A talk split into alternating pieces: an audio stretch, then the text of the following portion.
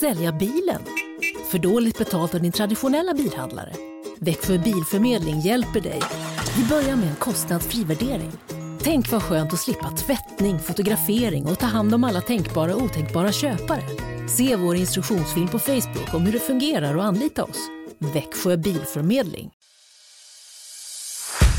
God morgon, hjärtligt välkomna ska ni vara till Fotbollsmorgon. Jesper Hoffman är här, Robin Berglund är här, David Fjell är här och vi får besök utav Erik Ahlgren. Tränare i Klackstorp, Sveriges bästa förlorare. Och sen så har vi med oss, eh, vad kan han ha varit, 23 år på jobbet och liknande, Stefan Andreasson. Så är det, han ger sin syn på Elfsborg och där han absolut inte vill att man ska prata guld. Och sen har vi med oss, apropå guld, doktoranden i medie och kommunikationsvetenskap, Axel Wikström. Axel lär oss eh, det han har forskat på, nämligen eh, förmögenheter och i det här fallet inom fotbollen. Och sen dyker han upp, Rickard Henriksson. Mm, han är igång med en ny säsong av matchen. Den här gången med rörligt material på Viaplay. Och nästa upp är eh, Andreas Granqvist. Välkomna.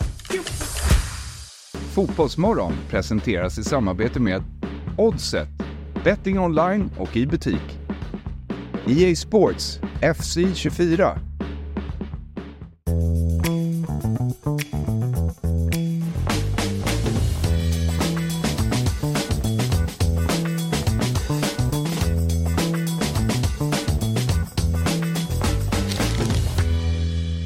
Morgon! Hjärtligt välkomna ska ni vara till Fotbollsmorgon tisdag 10 oktober vecka 41. Äntligen är min favorit Jesper Hoffman här bredvid mig. Hur är läget? Jo tack, det är bra. Det är eh, ruggigt ute men Ja. det är mysigt inne i studion. Du har nyskottat hår Ja också. precis, jag valde att eh, klippa ner lite. Ja, ser yngre ut. Ja tack, det är väl det man behöver eh, i min ålder nu va? Det är när du är ny, nyklippt som man förstår din fru. Just det. Ja.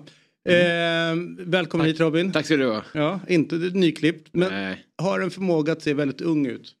Du har inte åldrats sedan den första dagen vi träffades. En syster som är nio år äldre och vid ett, mer än ett tillfälle har folk utgått från att jag är den äldre av oss. Av syskonen. Ja, Men- och då ser inte hon ut som fem liksom. Det är Nej, inte det. Men där kan jag faktiskt ärligt säga att det är bara folk som vill jävlas med dig. Okej, men då är det synd.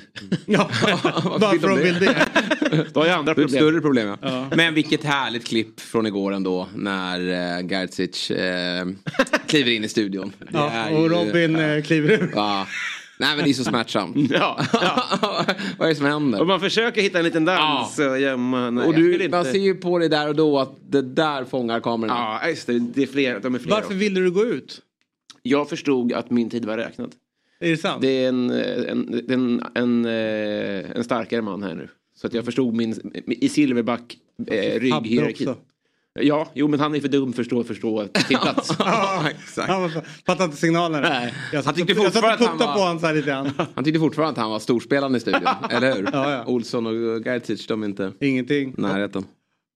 Eh, för kan de göra en regnig eh, söndag i Stocksund i november? Nej, precis. Nej, I det kan- exakt, det tror jag inte. Men kan Fabbe det å andra sidan? Nej. Nej, men han har försökt. Stackars Fabbe. Men vad, eh, fan vad jag låg och tänkte mycket på det där igår om eh, konstgräs eh, kontra gräs. Mm. Eh, att tidigare har man ju bara pratat om det. Men nu när man verkligen ser att liksom så här, ja men det blir färre nickdueller. Alltså det blir färre typer av spel och att vi inte pratar mer om det. Mm. Alltså när det verkligen är svart på vitt. Så här ser statistiken ut. Är inte det lite konstigt egentligen? Jo. Med tanke på att det är underlaget, det är det liksom där vi ska... Ja, men, här, Jag jag, bara tänkte, jag bara tänker hockey om man ska börja så med konstis för det är mycket billigare. Ja. Och så bara, åh vad billigt. Här behöver vi inte ha vaktmästare, vi kör det överallt. Mm. Men vi är det enda landet i världen typ som, som kör så offensivt på det. Och så märker man att det blir färre tacklingar eller det blir för alltså vet, saker som är viktiga för liksom, känslan i sporten. Hade man inte reagerat lite grann då? Det är en bra parallell att det liksom har smugit sig på så. Men jag kan också tycka att i den här debatten, som många debatter i svensk fotboll, som lite utomstående, som inte, jag är inte så investerad i eh, konsekvenserna och sånt där. Så, är, så även debatt, du säger svart på vitt, så är även debatten ganska svartvit. Att folk är, har ju bestämt sig väldigt mycket. Um, jag tycker att, men alltså, och det här ligger inte på dig då, men, men kan du också se de enorma fördelarna med att vi kan spela fler timmar per år? Nej, men jag tycker man, eh, absolut, men jag tycker man måste kunna ha två, apropå svart och vitt, ha två liksom, eh, bollar i luften samtidigt. Det upplever jag inte för, finns. Att för bredd och för, Ja. eh, så tycker jag det är fantastiskt. Ja. Och jag tycker vi ska liksom trycka ut ännu mer konstgräs för det. För att få ut fler timmar. Men de fe, få klubbarna där det faktiskt gäller och så mycket pengar som ändå finns i systemet. När man är där på- uppe på allra högsta nivå. Så borde det också finnas ekonomi nog att eh, ha riktigt gräs. Och så är man så här, ja, men det är så dyrt för kommuner och så här. Fast totalt sett så är allsvenskan en plusekonomi för, för det svenska offentliga samhället med tanke på alla, allt som talas in i liksom kölvattnet utav, utav allsvenskan med folk där moms kommun med, med löner och det är så folk som spenderar på restaurangbesök, hotellnätter och allt vad det nu kan vara liksom. Så kommer ju pengarna in till statskassan så att det fotbollen gör tror jag liksom är redan så stort plus att vi har råd med de där planerna. Men är typ ert förslag att el- el- svensk elitfotboll ska kravet vara, precis som på läktare så ska det kunna vara krav Absolut, det är ju en resursfråga. Det är bara att titta på um, Rosenborg som brukar lägga ut deras matta i februari-mars. Där. Den är ju alldeles klockren. Så att det, det handlar ju, och vi, jag som spelar mycket golf, jag vet ju också vad vissa golfbanor har för förutsättningar kontra andra. Och eh, det är ett jätteproblem att halva serien spelar på ett annat underlag. Det är bara att kolla på matcherna. Jag behöver ingen statistik. Jag bara kollar på matcherna att det är någon he- en helt annan fotboll. Jag ser ett ett eh, Djurgården kliva in i, i derbyn på gräs och vara ett annat lag än vad de är på Tele2. Och jag kan ta flera andra exempel också. Så att det här är någonting de, de måste ta tag i. Det är en otroligt viktig fråga för mig. Att eh, vi spelar fotboll i svensk elitfotboll eh, på gräs. Och det är bara att dra en gräns. Norr om Sundsvall eller var man nu drar den. Det får väl någon annan bestämma. Där i Östersund är de uppe, eller de är ju i superettan så de är i elitfotboll. Där kan man väl ha förståelse för att det där får man spela på plast. Men i övrigt i andra, andra arenor där ska det vara gräs. Och det, så vill alla ha det. det jag vet att det är så. Eh, Word som man säger i eh, Sibirien. Ja, bland annat. Ja. Eh, du, eh, vi ska kasta oss från eh, plastgräs till äpple. Vi ska till, till New York. Där finns vår eh, favorit Hanna Friberg. Ni vet ju hon, den Julia som lyckades bli utkastad från Tele2 mer eller mindre. Väldigt troligt. Eh, men hon hänger kvar i fotbollen. Hon vägrar släppa den. Eh, trots att hon reser runt omkring i hela världen. För vi ska eh, prata lite grann om eh, dokumentären om David Beckham. Mm. Ha, är det någon av er som har sett den eller någonting utav det? Nej, det går långsamt för mig men jag har sett två avsnitt. Mm. Och eh, det är väl fyra totalt då. Så att jag kliver in på det tredje ikväll. Det är ju landslagsuppehåll och då har man ju möjlighet att ta igen lite grejer. Robinson är ju prioriterat. Det är ju, och, och det är ju otroligt nu när de släpper då Fyra avsnitt på måndagen redan. Man är ju helt eh, i extas. Ungarna får ju lägga sig Ja, rekordtidigt. Och man var nöjd med att det inte var någon sport igår kväll. Ja, man kunde, ja, så För annars är man lite stressad när man ska få in de där fyra avsnitten. Men nu var det ju sportfritt. Då blev det Robinson-fokus. Men du, en fråga. Vem har du som favorit? Nej men jag är ju... eh, Här visar jag varför jag är en rutinerad Robinson-tittare. Har vi de som bara har två, tre säsonger bakom sig. De sitter ju nu och spyr galla över Peder till exempel. Men han är ju eh, nummer ett. Överlägsen. Alltså det är ju den där typen av fullblodsdårar som Robinson lyfts av. Och eh, jag tycker han är... eh, Just när du får den här född sen eh, 60-talist. Är han 60-talist eller 70-talist? Ja men han är där i gränsen. Ja, Eh, jag är tror att han och jag är lika gamla. Ja, ja. Herregud. Ja, nej, men Fjäll, du har inte... Men jag har inte anammat det riktigt än. Nej, du har inte riktigt anammat det. Och det ska du ta som en komplimang. Du, är ingen, du hade inte varit klockren på en Robinsonö. Men han har ju den här hybrisen. Eh, och eh, den här jag skiter i alla andra auran. Och han, när han blir hungrig då, då, då öser han bara på. Och jag tycker att han har rivstartat den här säsongen. Jag vill bara se Peder. Han är, det är så sjukt med honom för han är så lik Pelle. Ja. Det är ju samma person. Jag, jag får liksom inte... De har klonat Pelle. Och då är Pelle på grä, i gränslandet. Det är jättekul eh, att de två finns där och jag längtar tills de möts. Ja. Ja, väldigt rörigt eftersom nu har de ju börjat släppa ett gränsland som varannat avsnitt också utan att varna först. Alltså först kommer det ordinarie och sen kommer gränslandet om man kollar i ett flöde på play. Och ibland så, i början var det svårt att veta vad jag kollade på för någonting för att de är så fruktansvärt lika. Ja, ja det är... Det är Pelle här och där. Ja. Glad, glad, bra dag han har idag. Nej det var inte du. Nej okej. Ja, det är oerhört bra. Eh, Det och- finns ju också, tänker jag, någonting med eh, duell, eller med eh, dialekten. Kommer ihåg för något år sedan så var det någon som hette Per Grapen med från, när de var på Dominikanska. Också så här stockholmare. Samma ålder typ.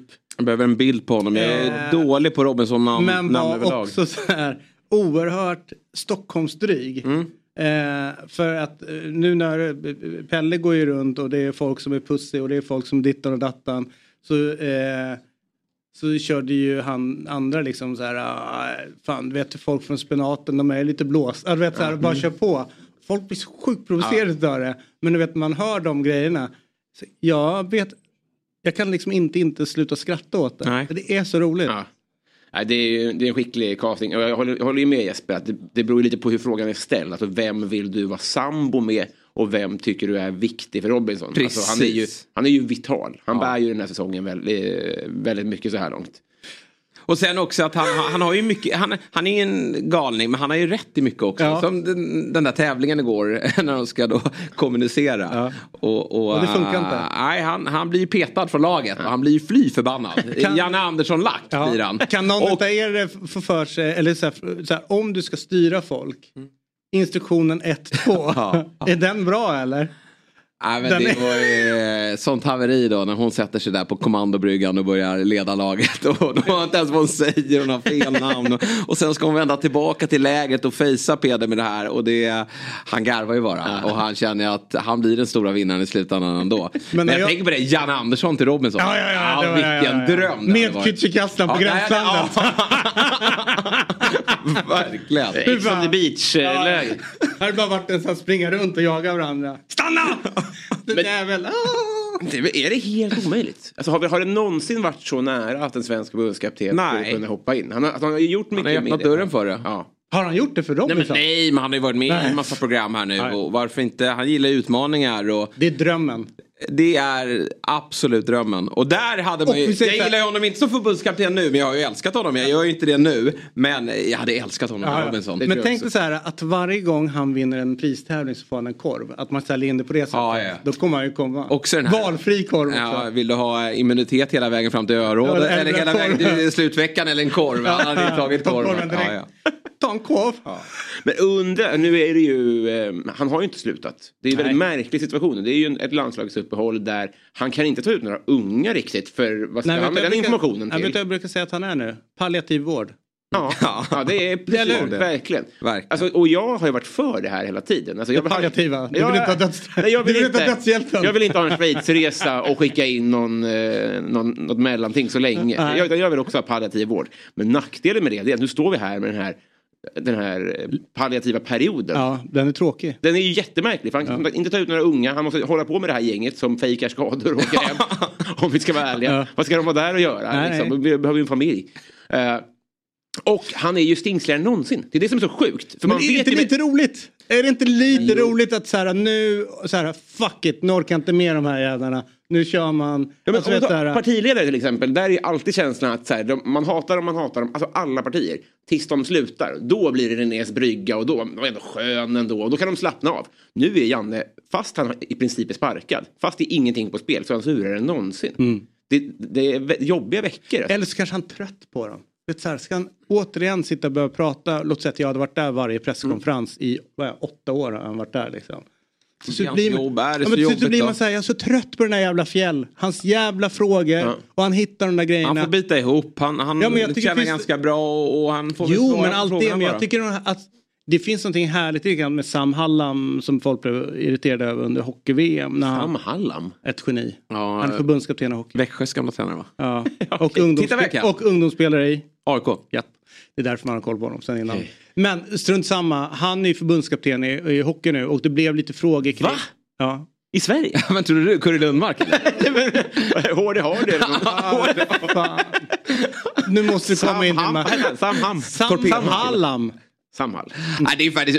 Jag Hans håller med. har eh, eh, tandhygienistmottagning här på Det är Roslagsgatan. ju perfekt jobb, grabben tappar tänderna. Ja men det är det som är grejen, det är så roligt så det finns. Bara skicka dit eh, hela laget. Sam Hallam.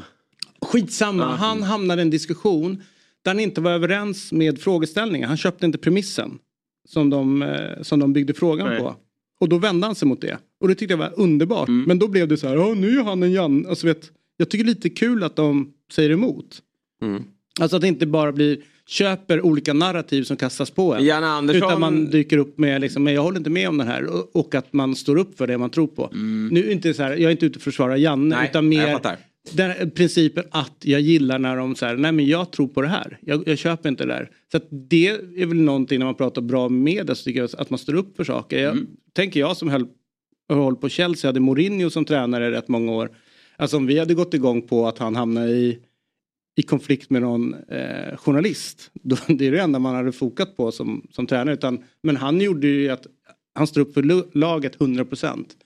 Eh, och eh, det tycker jag att om man får en förbundskapten eller tränare som inte bara är sur utan även så här, nej, försvara sina spelare mot sånt där. Det gillar man ju. Men här blev det kanske lite mer pajkastning. Ja, det Anna Andersson i grunden inte köper det är ju att han ska ha stått för en svag insats. Eh, Han har ingenting med det här att göra. Det är därför han sitter där och är förbannad. Utan han, han vill ju fortfarande skylla på eh, skador, att spelare inte kommer i form, att det är lite speltid ute i klubblagen. Så det är det som gör honom irriterad. Han har inget ansvar i det här, eh, anser han. Det är liksom det jag läser av mellan raderna.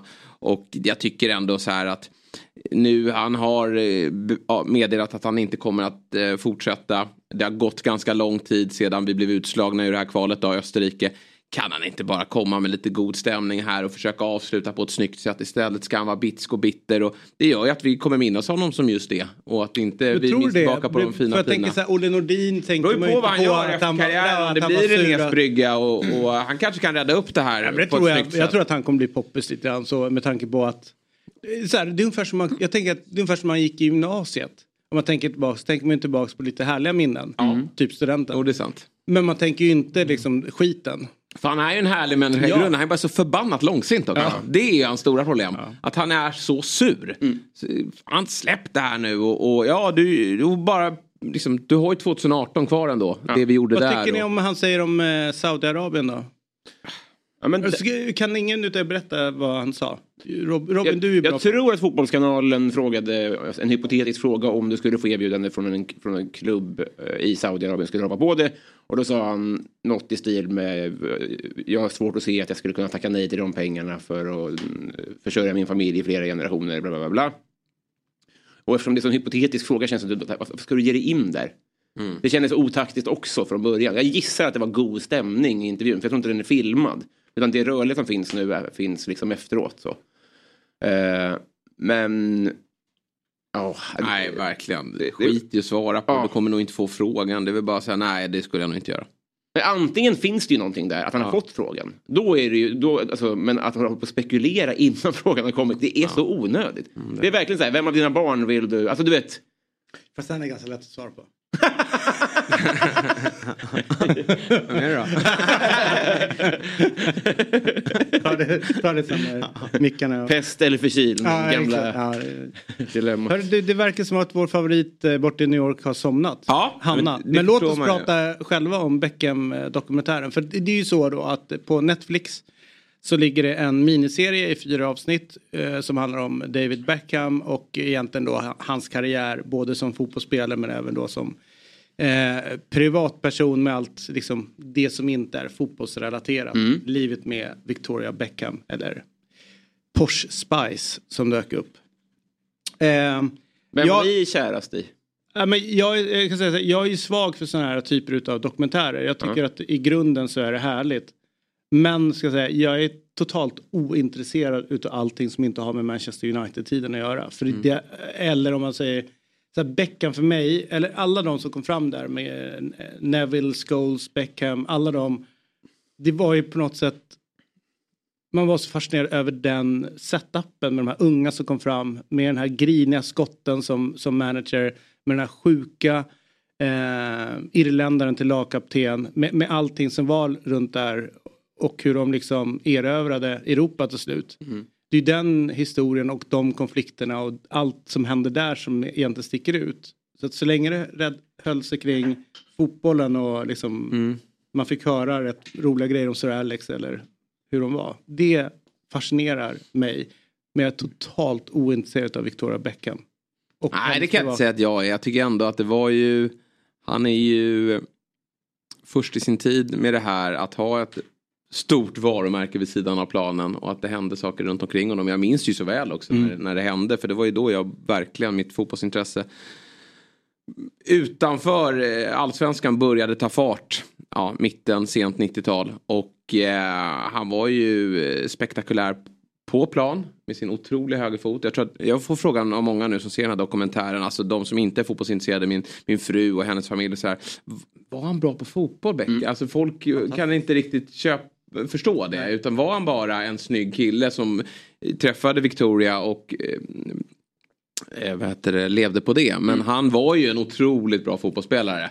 Eh, sen vet man inte hur han hade klarat sig riktigt idag. För det var ju Alltså han var ju ytter men flyttades in centralt. Jag tror han hade varit en mer central spelare idag. En, en uh, sittande mittfältare kanske med, med, bra blick för spelet och, och fortfarande sin känsliga högerfot. Mm. Men där var han ju främst en ytter som låg och gnuggade eh, från, från eh, straffområde till straffområde och, och, och skickade inlägg. Men eh, det, när man ser de här bilderna också så, så minns man så liksom, tycker jag att man verkligen får en bild av hur bra han var som mm. fotbollsspelare. Och att han platsade sen i alla lag som han tog sig an. Men det, jag ska säga, det, som, det som var coolt med den här tiden var ju också att Premier League var i sin linda. Eh, alltså att den här nya satsningen. Och att det också var första, eh, alltså när de, när de blev jättestora stjärnor utanför planen. Mm. Och allt som hände i England under jag har pratat om det tusen gånger och jätteointressant för säkert folk. Men just med Britpopen som slog igenom, med Labour som tog över, mm. med liksom att det var eh, en period i, eh, liksom när allting gick väldigt bra. Mm. Ekonomin började vända. Eh, Premier League, alla stjärnor som kommer in, musiken som är där. All, London och England var ju det som gällde. Och då blev de här de största stjärnorna.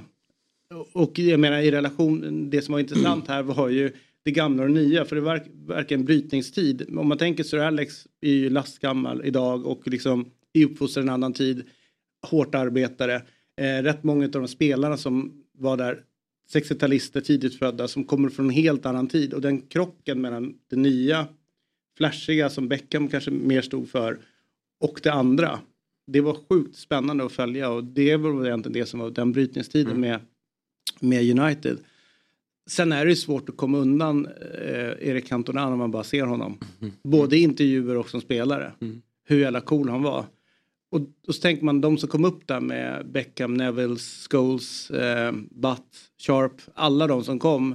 Vilka, vilka ikoniska äldre spelare i laget de hade med, med Keane och eh, Pallister, Bruce. Eh, Giggs. Ja, han var ju 73 bara så han mm. gammal. Men jag tänker också med, med Cantona. Mm. Eh, och sen, sen den, den galna Sir Alex. Eh, vi, det är ju nästan en perfekt storm utav spelare de får fram där. Mm.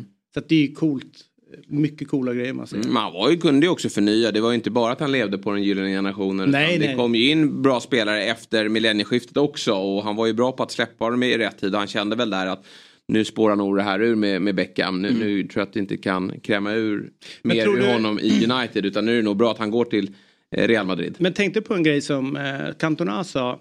Som eh, Sir Alex var igång på och tror någon annan. Just det här med att han det kravet på att man ska ge 100% annars tappar man. Det är så lätt att man kommer ner på 90. Och när man tycker det så kanske man kan vara på 80 och vara nöjd med 90 sen. Alltså att det går ner. Mm.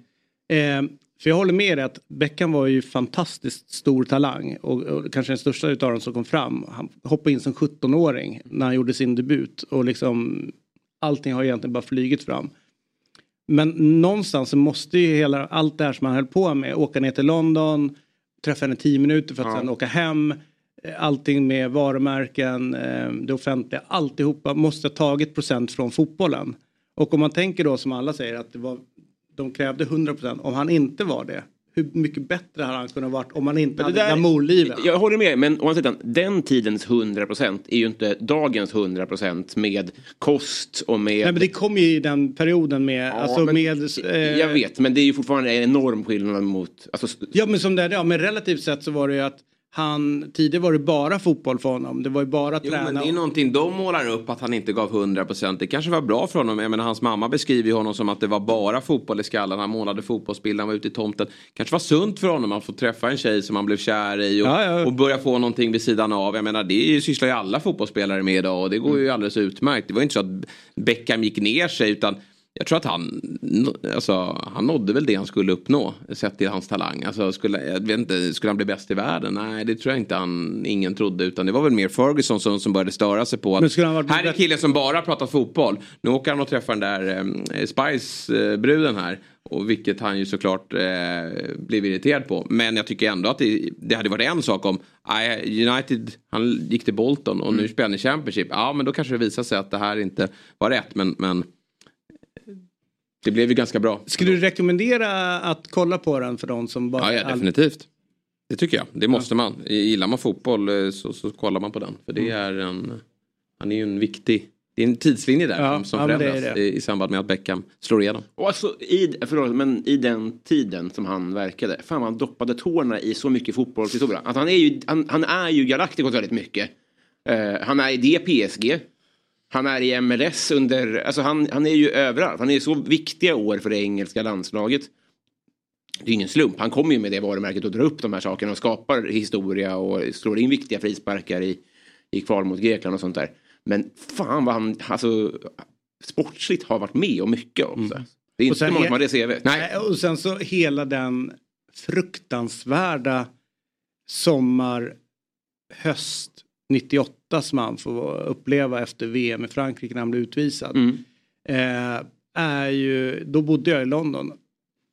Det var helt sjukt.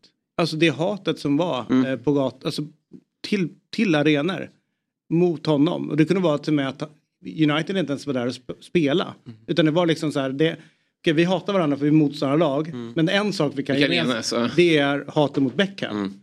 Så det blev ju liksom någonstans i och med att han var så lite flashig, lite snygg. Ja, hade ja, nej, hela det, där. Så blev det så fruktansvärt hat. Det, det går liksom inte att beskriva. Vi säger så här, Janne lite pressad. Och, och, även då att det liksom bara small på så att paparazzis och journalister det var inte så avskärmat som det är nu. Nej. Utan när de kommer ut från sitt hem, då, det är det första de möter. Alltså, de jagar dem. Så att jag tror inte man kan fatta pressen heller de var under. Mm. Där och då, liksom på mitten 90-talet. Hur, hur är, vad har de för uh, rykten nu i England? Är, alltså det pratas ju lite om att de är lite så royalty och sånt där. Men är de omtyckta? Ja, men Beckham är ju Beckham vet är omtyckt. Mm. Jag har lite sämre koll på Porsche. Ja. Vilken var er favorit Spice? Jag var ju kärast i Jerry. Men nu... Det är hon den rödhåriga? Ja, eller? men nu tycker jag, jag tycker uh, Mel B verkar softast nu. Det är hon mörka? Ja, och ju... jag hörde också att Victoria är värd tio gånger mer än den som, alltså hon, hennes... Uh, Varumärke. Ja, är det är värd... därför de inte gör comeback, för hon har ju sagt, alltså de har gjort någon comeback. Ja. Hon går ju back på det. Ja, men hon har ju sagt, hon behöver ju inte det. Nej. Medan några av de andra Då skulle ju verkligen skulle behöva. få lite... Det är som Micke Syd. Snälla Per, kan vi snälla gigga lite? Ska vi ta en turné i sommar? Nej för fan jag orkar inte. Jag har blockat ditt nummer, hur når du mig? Ja, exakt. Hej! Jesper Hoffman från Dobb här. Jag vill tipsa om att FBL Sverige nu finns som podcast helt fritt där poddar finns. Vi spelar in ett nytt avsnitt varje vecka inför den kommande gameweeken med våra bästa råd hur du ska lyckas som manager. Så när du har lyssnat klart på Fotbollsmorgon och vill höra mer om Fantasy Premier League så finns FBL Sverige helt fritt där poddar finns. Nytt avsnitt varje tisdag.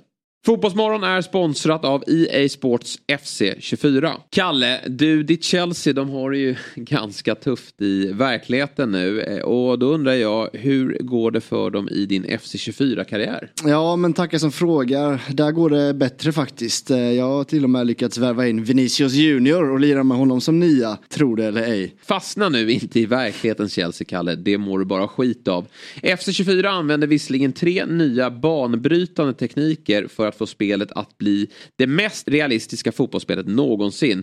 Men det är fortfarande du, Kalle, som har makten i spelet. Så är det verkligen och just Vinicius Junior ser ju sjukt realistisk ut. Det finns över 1200 unika löpstilar på spelarna i FC24. Så det har gjorts ett gediget arbete. De har analyserat mängder av videoupptagningar från verkliga proffsspelare. De ringde inte direkt till oss eh, och bad om att få filmsnuttar på när vi spelar. Nej, det var väl tur det. Eh, vi får snacka om spelet istället. Där är vi mer betrodda. Ja, och en till riktigt fin sak med EA Sports FC24 är att de har rättigheter till Premier League och Champions League och ungefär 30 ligor därtill. Allsvenskan inkluderat. Det är bra. Vem hade du gett högst ranking i Premier League då, förutom Haaland? Ja du, det måste ju vara någon i Chelsea va?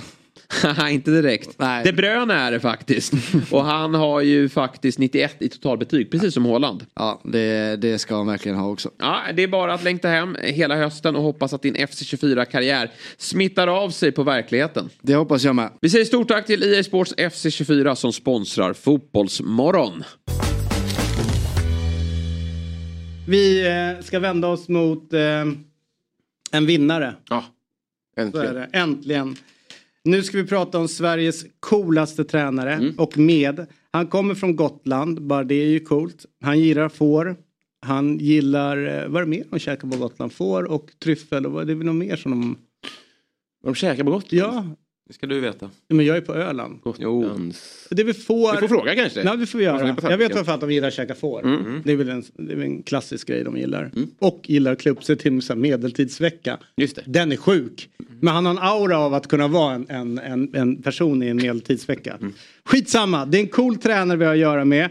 Eh, han är yrkesfiskare i grunden men har sadlat om till ventilationsking och alla hans vakna tid lägger han på Klaggstorps IF, laget som 2023 är bäst på att förlora. Vi säger stort välkommen till en riktig vinnare, Erik Ahlgren, chefstränare. Hur är läget med dig? Jo, det är mycket bra. Tack så mycket förresten. Hur är läget nu när säsongen är, är över? Själv brukar man ju hamna in i någon form av eh, depression sådär när det är slut. Men jag tänker om man har torskat en del matcher, kan det finnas någon form av lättnad att det är över? Absolut inte. Det är lika tråkigt varje gång när, det- när säsongen är över. Men, eh, men det startar en ny säsong nu snart. Ja, försäsongen är igång. Jajamensan. Hörru du, berätta nu om den här säsongen ni har eh, bakom er. Eh, eh, Nådde ni de uppsatta målen ni hade eller gick det lite tyngre än vad ni trodde inför? Det har väl gått tyngre än vad vi hade räknat med, men eh, vi hade ett mål att vi skulle ta poäng i år, men eh, tyvärr. Det lyckades inte med. Nej, varför har ni inte gjort det då? Det är väl... Eh, vi ligger ju i fel serie, men vi har ju tyvärr inga fler serier under oss. Så, så vi Ah, okej. bra lag, så enkelt är det. Men vad är det för typ av eh, spelare ni har i laget? Vad är det för åldersstruktur på laget? Den yngsta är 16, den äldsta är 57. Oj. Ja. Mm. Är de släkt, de 57-åringen och 16-åringen? Eh, nej. Det är ju ändå 20 matcher ni fick eh, spela. Det tycker jag är ganska mycket för att division 6, en division 6-serie. Det är bra. Men det blev ingen vinst, eh, ingen oavgjort. Ni gjorde ändå 14 mål. Vi ska återkomma till dem. Eh, 155 insläppta. Eh, men ni är liksom inte upp. De här 14 målen, är det någon viss spelare som sticker ut där eller har ni lyckats sprida ut eh, målskyttet på hela laget? Det är väl i stort sett utspritt, så jag tror det är den som har gjort mest i tre. Ja, hur motiverar man en grupp eh, spelare som får åka på det så ordentligt i varje match? Förlora match efter match. Hur, hur, hur finner ni motivation i, i, i vardagen? Ja du, det är en fråga har jag ställt mig många gånger. Mm. Men eh, det är väl glädjen. Glädjen och gemenskapen som vi har. Vi har byggt upp någonting väldigt bra. Så. Vad säger du innan ni kliver ut på plan sådär? Alltså ni ska möta ett lag som, som ligger högt upp i tabellen och, och ni vet nästan på förhand att, att ni är chanslösa. Det, det är, vi, ska göra, vi ska göra det vi kan. Vi utvecklas därifrån. Har du själv spelat fotboll?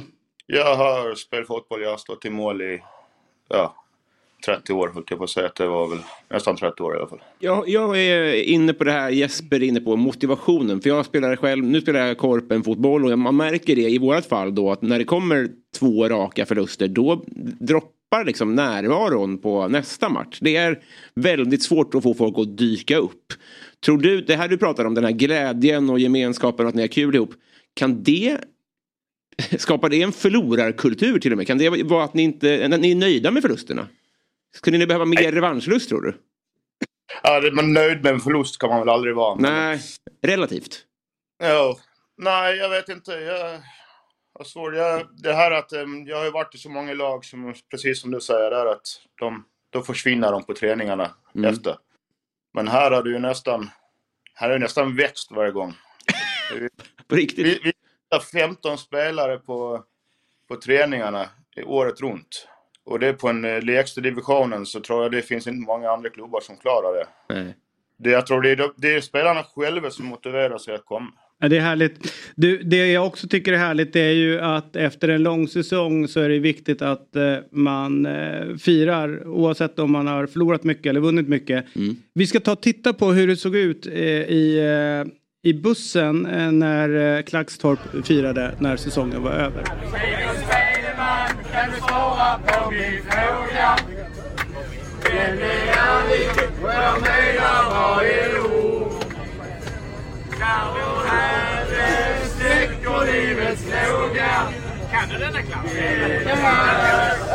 Ja, det var härligt. Eh, vilken, eh, vilken uppsluppen stämning. Eh, det här är alltså när Klagstorp har spelat klart. Det såg ut att vara en bra fest, eller ni var på väg till en bra fest. Eh, Hur, eh, du och jag har ju blivit lite äldre eh, du, och tappar hår sådär. Eh, vad är din relation till bakfyllen nu för tiden? Ja du, den, är väl, eh, den blir väl värre och värre va? Ja, ja det var bra. Så man inte är själv i, båt, i den båten. Nej, så söndagen den, den bedrevs i soffan tror jag. Ja. det, det, så här är det, vi är ju så sjukt imponerade utav er. Dels så eh, blev jag lite imponerad av eh, att ni körde han, eh, Hasse Kvinneböske Andersson där i, i, i, eh, i bussen. Men borde de inte sjunga den här, uh, vilken är det? Det finns en Var ska vi sova i natt? Är inte den väldigt stor? Pe- Perikles. Ja, något sånt där. Den är också stor nere i Skåne, eller hur? Absolut. Lite Olof Persson, MFF, som har gjort den lite poppis. Så att det är bara tips till nästa liksom, av, eh, fest att ni kan ta den låten. Absolut. Det ska jag ta med oss. Ja. Men du, vi är ju så sjukt glada över er att ni håller igång. Eh, ni gör fan ett stort jobb för svensk fotboll för att hålla igång breddfotbollen. Eh, och eh, vi älskar att följa era matcher, eh, eller resultaten som dyker upp. Och jag kan väl ärligt säga att vi ler lite grann när de stora siffrorna landar in. Men vi gör det med kärlek och här kommer beviset på det. Vi har alltså eh, samlat in pengar till er så att ni ska få antingen köpa någonting till klubben eller ha en fest. Alltså ni får göra vad ni vill. Men vi har samlat in pengar till Sveriges bästa förlorare. Så att det ska komma ett swish till dig nu. På, sta- eh, till, till, på pengar helt enkelt. Så ni kan göra precis vad ni vill med. Och den har kommit nu. Och jag tror att det var 8860 kronor som kommer till er lagkassa. Oj, stort tack får man ju säga. Ja. Vad vad kom, vad tror du att pengarna kommer att Nu är det bara landa att boka på? upp charterresan här. Ja, nej, jag förvarnade grabbarna redan igår lite så de har ju i chatten redan eh, haft sina idéer men eh, det blir väl en rolig grej till våren. Det tror jag. Mittback kanske? Ja, mittback. och en slips. Det är kanske. Nej, det, det finns mycket vi kan använda det till. Så det, kommer, det är välbehövligt i en sån här klubb kan jag säga. Ja, vad härligt. Ja, vad härligt. Ha en eh, fantastisk försäsong. Eh, och tänk på att eh, vägen till en poäng ligger öppen nu. Det är en ny säsong snart. Absolut. Ja, ha det gott. Tusen tack för den här morgonen Erik. Tack så mycket. tack. Hej, Tack. hej. Ja. Jag håller med dig att äh, Änglahund är en väldigt oväntad förfestlåt. Mm. Den borde tagit något mer, lite mer Ja, tryck. hundar är med. Vad Ja. ska jag säga hunden för? Det är en jävla dödssång. Ja. Eller hur? Jag ska döda... Eller ja. är det någons hund som har dött det här? Men, men alltså, det är ju otroligt hur man orkar dyka upp. Det är ju så jobbigt att förlora, det vet man ju själv. Ja, ja. Man blir tokig, man hatar ju sina lagkamrater. Verkligen. Vecka efter vecka. Liksom. Ja, Minus 141 i målskillnad. På 20 matcher. Nej, det är ett sånt mörker. Jag hoppas att de tar pengarna och, och försöker att förstärka truppen. Ja. Vet inte hur långt, hur långt det räcker men, men någon liten bonus där. En segerbonus till den som kliver in. Det är och en bra, tusen, tusen lapp. Eh, swisha till sig om man, om man ser till att lösa en, en seger nästa år. Ja, men, alla får 100 spänn om du står still i muren. Sådana där liksom, precis. punktinsatser. Ja, exakt. Håll tätt första fem. Håll en stolpe 50 spänn. ja. Men det var ju någon eller match, jag såg eh, någon sån här matchreferat. Det var så här, vi började bra. Ja. Men i tredje minuten så är jag Ja. borta lag. Man bara okej, er definition är en bra start på matchen. Det måste alltså vara typ första anfallet. Eller vi släpper inte in där. tajt slantsingling. Eller? Ja. Ja. Vannslandslinjen. Så, Sista sekund så tog jag krona och det blev krona. Ja, vi hoppas att de, eh, vi skulle ju ha sagt det, att om ni eh, inte förbättrar er, liksom, så här, om ni kommer sist nästa år eller först då. Så får ni swisha tillbaka beloppet. Så att de, men det, är- men så att de känner att nu måste Det är ett vi. lån ja. Ja det är ett lån, nu måste vi steppa upp. Det är så att det, är, eh, det spelas ju inte mycket fotboll nu. Alltså Nej. på, på hög nivå. Nej. Men ändå så har vi vårt fina samarbete med Svenska Spel. Just det. Och då har vi eh, skickat ett meddelande till spelredaktionen. Vi behöver ett spel. Och de hörsammade. Alltså. Jag är väldigt nyfiken vad de har grävt fram. Ja. Eh, De kom fram till att det är Sverige som är fokus. Även fast vi inte spelar förrän på Torsdag. torsdag. Så är det liksom Sverige-Moldavien som är liksom den träningslandskampen. Eh, och då är det tre olika spel som li- ligger från eh, spelredaktionen. Det är att det kommer vara oavgjort i paus. Eh, och det kommer vara Sverige som vinner vid full tid. Men det kommer bli under 2,5 mål i matchen. Det där är bra. Eh, och det eh, landar in på 7 och 15 gånger pengarna. Den här är jättefin. Mm. Det eh, kommer inte bli någon munter historia det här tror jag. Utan det kommer ju vara, återigen då så kör Janne taktiken att han spelar ett annat lag som, än vad de som ska spela mot Belgien då.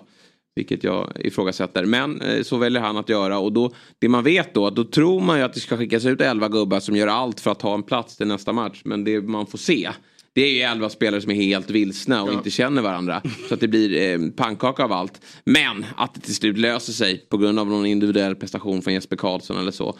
Så att eh, det här köper jag rakt av. Mm. Och det är till 7-15 gånger pengarna. Eh, och eh, det här är ju eh, spel från Svenska Spel, Sport och Casino AB.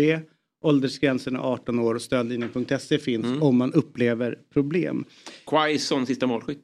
Ja, Något sånt. inte alls otänkbart. Fyllde 30 igår såg Jag det, och han mm. kommer ju starta den här matchen. Eh, han kanske i och för sig startar mot Belgien nu då när Isak skickas Ja, det, hem. Det, därför är det inte otänkbart. Jag tror i och för sig Kulusevski flyttas upp och så får han gnugga Claesson en sista gång här. Det gillar ju Janne ändå. Det tyckte jag, jag tror att han, när, Jan- när Isak skickas hem, då var det först han tänkte på, nu får jag Claesson Ja. ute till höger. Och det känns väldigt bra. Kan det vara Janne som skadade Isak för att i förlängningen Ja, kanske. lufta Claesson? Och sen också tror jag att eh, han har planerat mot Belgien ett väldigt, väldigt sent och eh, ointressant byte av Jesper Karlsson in. In med granen. Ja, jag hade gärna sett att eh, Janne i sista matchen skickar ut Rodén. Ja. Claesson ska vi ha där. Ja. Och kanske kallar hem en gammal stöt. Ja. Eh, bara för att samla det gamla gänget. nu har Berg precis lagt av här. Men, men kanske att han också skulle kunna få in få några minuter. Kan vi, Hörde- hörde jag ta ut sen? en- Ja, kul han att ta ut en bra. Janne 11? Alltså vilka är de liksom, det, det gråaste vi har Ja. genom Men hans det, år? måste man ju, det, det är nästan så att du får ta uppgiften nästa tisdag. Ja. Mm. Och ta ut en Janne 11. Eller hur? Rodén är ju kapten verkligen. Ja, verkligen. Han, är, han leder det där laget. Helander tillbaka nu också är fint. Ja. Det är ju Ja. en Janne-gubbe. Totte Nyman eh, tänker jag också Ja. är väl ganska given där. Gustav Svensson kanske? Ja, men jag tänker också så här att du Det är måste... ju fjällelva. Ja, ja, Gustav Svensson är min. Fjällvan. Nej men jag tänker man måste ju också följa eh, vilka var det i Norrköping som kan... Ja, du menar så vilka, ja. för det, är- Mm. han har ju varit väldigt... Både han eh, och Peter verkar ju liksom gått och fiskat utifrån spelare. Vilket kanske är naturligt. Men Man har haft innan. också? Ja, men han fick ju aldrig Han fick spela. aldrig varför, han borde ju kunnat vara uttagen nu tycker jag. Mm. Kujovic. Ja, På verkligen. startplats i Ja. Vad gör han nu? Nej, han har lagt av. Han har det? Ja, han gjorde det. Tror jag fall. Det kan ju vara sån här som Astrid Ajdarevic att de, de, har inte, de går och väntar fortfarande Ja, på ett erbjudande och hävdar att de Det, det platsar. det pratas lite om är om man tänker ofta, det är ju Jannes relation med Isak Kiese Thelin. Kommer du inte ihåg att Isak kom ju fram och var Mm. Just jättebra. Sen fick jag ju lämna Norrköping. Eh, och sen så går han och liksom blir jättebra. Men man undrar egentligen vad, vad som händer där. Mm. Däremellan. Borde vi grotta ner oss i. Det kan väl du fixa nästa gång han kommer hit. En Janne 11 och fråga vad fan hände med Isak. Ska se vad jag kan göra, verkligen. Hörru du, eh, men vi pratade lite Janne innan, eh, alltså precis i starten och, och liksom så här låta han löpa fritt på något sätt. Att Mm. släppa nu, eh, kanske inte göra det här. Men jag är lite sugen på att, att börja spåna kring ett, så här, vilka, vilka man tror skulle kunna bli förbundskapten. Mm. Men vilka man vill bli förbundskapten. Jag tror att det är lite olika. Alltså så här, jag tror är kanske att man måste börja spekulera vad, vad tror de här galningarna på förbundet Mm. Jobba fram. Men vad hade ni själva valt? Nej, men jag är nog inne på, jag tycker inte det, det finns inget klockrent namn och det kanske det sällan gör. Förut kunde man alltid slänga in Svennis i leken och så kittlade det lite extra. Men, eh, och Fan det, vad tråkigt att han är borta. Ja, han var ju så, ja, det, verkligen. Sen 80-talet fram tills han åkte in på sjukan nu. Ja. Så var ju han given till att... ja men det var ju så, det var väl nära någon gång där tror jag också. Eller så Potter är väl bara- nya Svennis? Ja det tror jag. Potter, hur? Potter Alltså, han- nya det- Men, där, för men det hade ju verkligen varit eh, kittlande på riktigt Mm. eh, med Potter. Svennis var man ju ändå skeptisk till. Det har man ju alltid varit.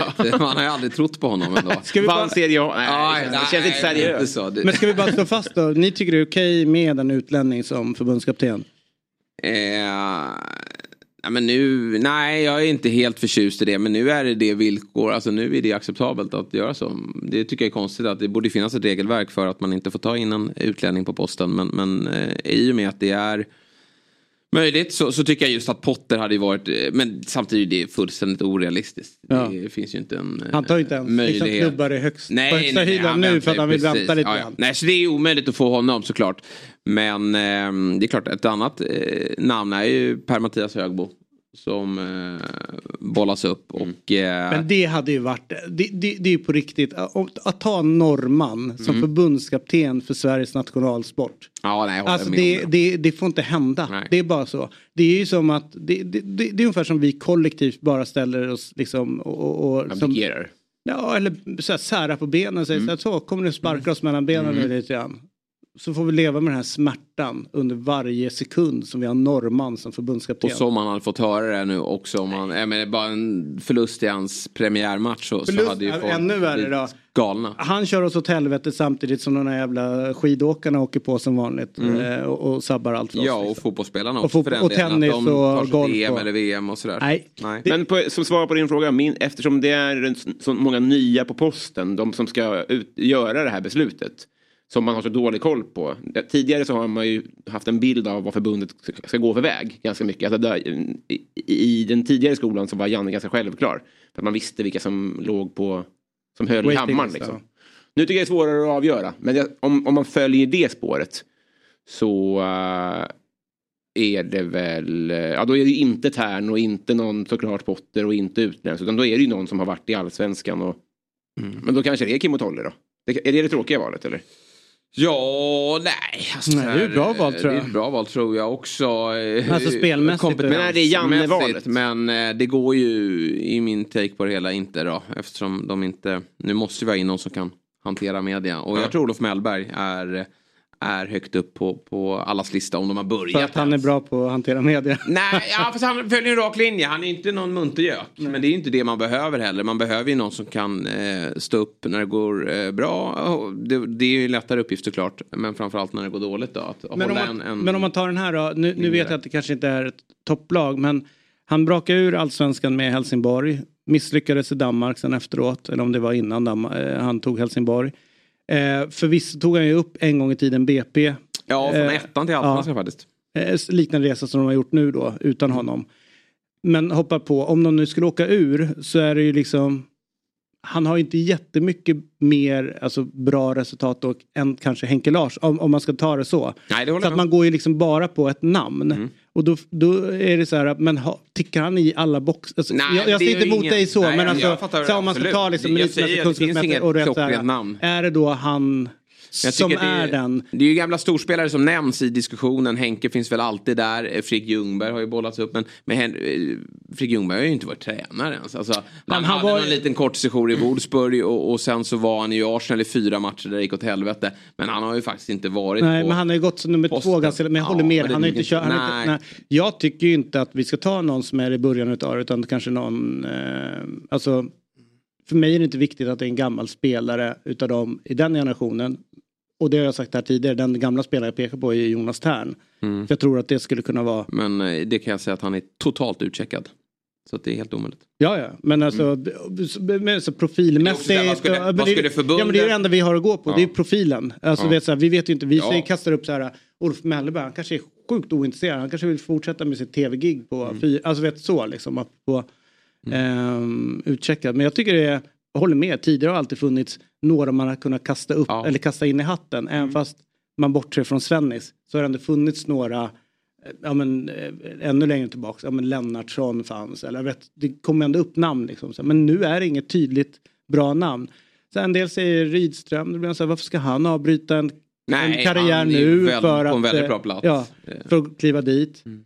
Ehm, Men alltså- och Tolle förlängde ju ganska nyligen sitt kontrakt med Djurgården. Sen vet jag att det finns kritik mot dem. Mm. Ehm, ja, så att det är liksom...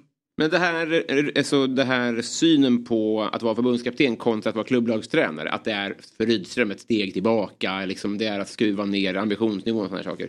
Är det så i alla länder eller är det här ett svensk, eh, en svensk övning? För det är ju jävligt dumt om det är så. För då, då är ju alla bra tränare eh, otänkbara. För de flesta, de bra tränarna har ju jobb inom klubblag. Om du inte är 80. Att det här är det sista uppdrag du gör. Ja, men man kan ju kolla liksom i, i Spanien har man ju haft eh, alltså Luis Enrique till, eh, till exempel har ju kört klubblag, hoppat på landslag, gå tillbaka till klubblag. Ja. De har ju varit lite mer flexibla på det sättet. Men i Sverige så är ju känslan att om man börjar eh, backa tillbaks på förbundskaptener som jag kommer ihåg så är ingen utav dem som har gått tillbaks till fotbollen och tränat på, på hög nivå Nej. förutom Erik Hamrén som gjorde det. Han gick ju till Norge och körde. Men sen har de ju liksom, det har varit det sista de gör för att gå vidare till någonting annat. Så det är väl den traditionen vi haft i Sverige mera.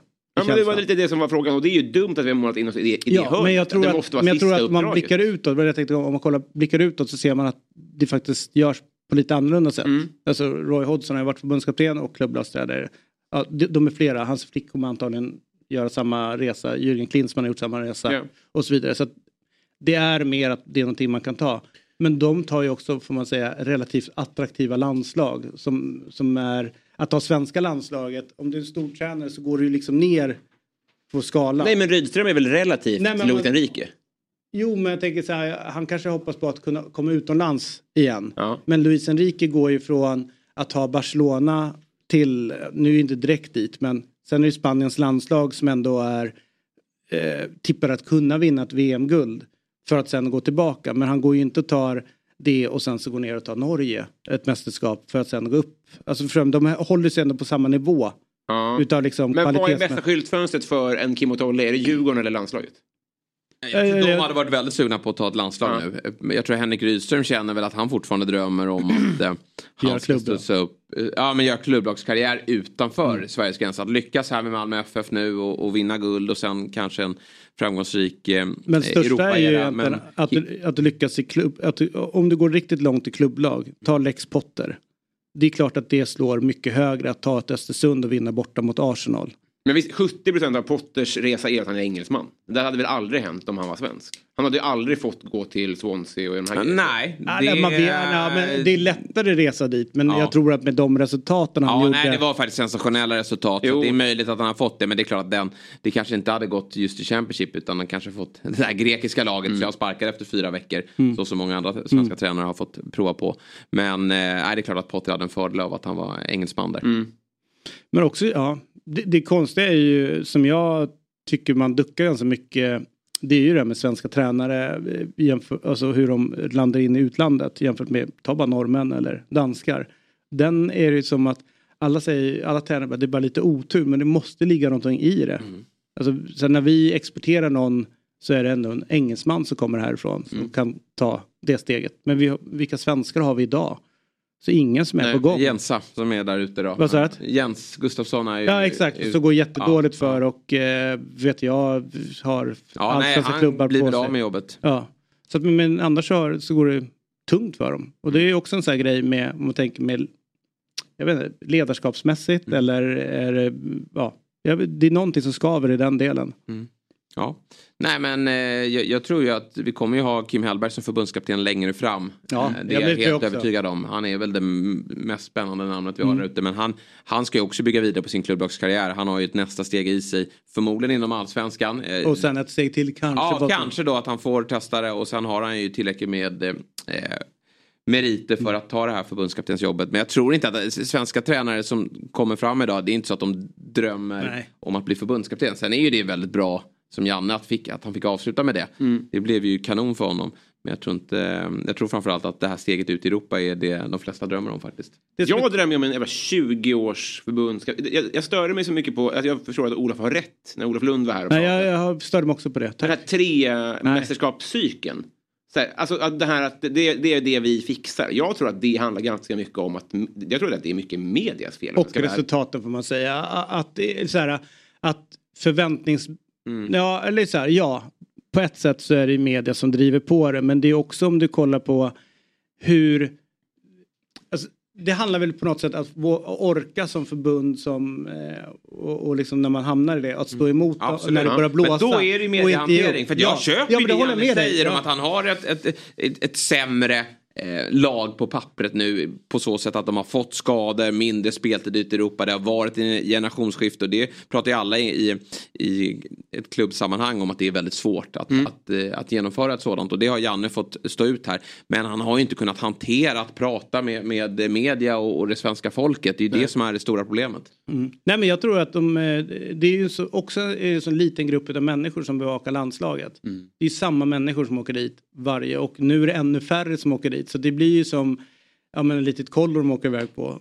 Efter ett gäng år så behöver de ruttna på det. Men jag kan hålla med dig lite grann för att en del media ibland så skrivs texter och rap det rapporteras lite grann utifrån att den utsände blir väldigt besviken att man inte får vara med om någonting som går längre fram och så går man igång på någonting. Ja. Jag säger inte att det alltid är så Nej. men det, det, det, det ligger någonting i det.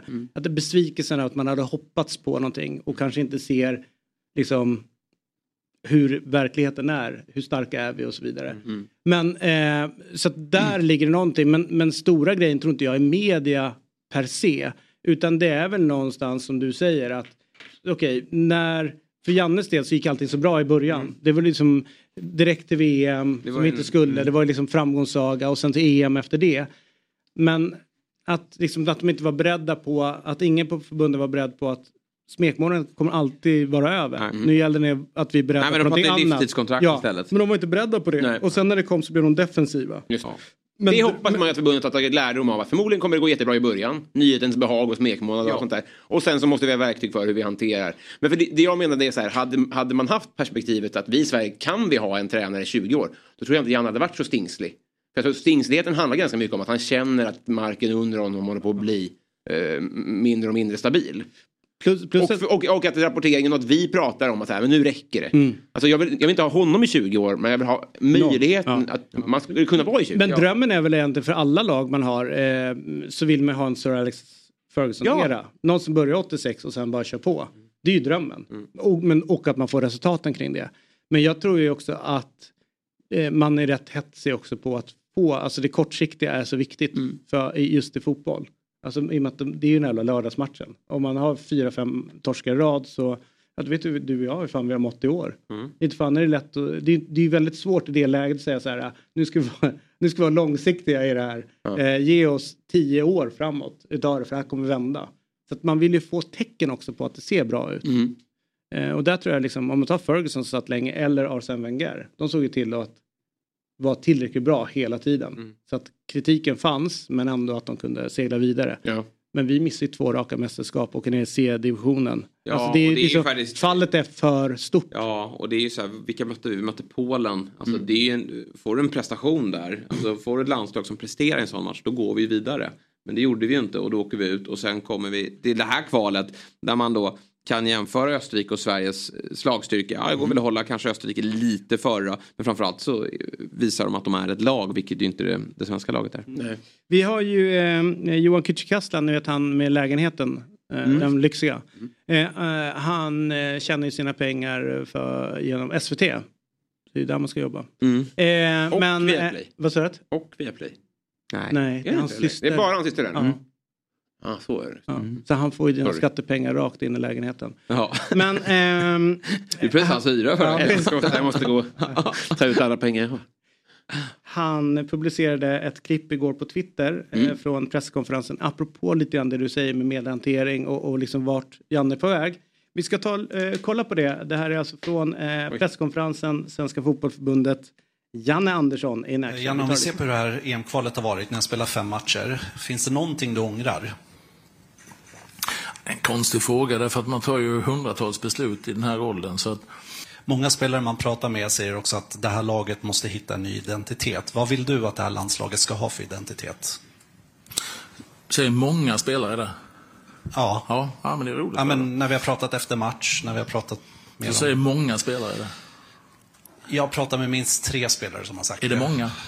Tre av 26 är många. Ja, jag har inte pratat med alla 26. Men okej, Men många om, spelare okej, men säger jag kan ställa om frågan om, Nej. om du Ja, har skilt dig på det. Jag tar, jag tar det själv. Eh, nej, men det är klart. Ja, eh, det blir, eh, de har ju, eh, ska också berättas att det finns ju någonting som ligger lite grann mellan eh, de två sen innan. Eh, där de har gått lite grann head to head.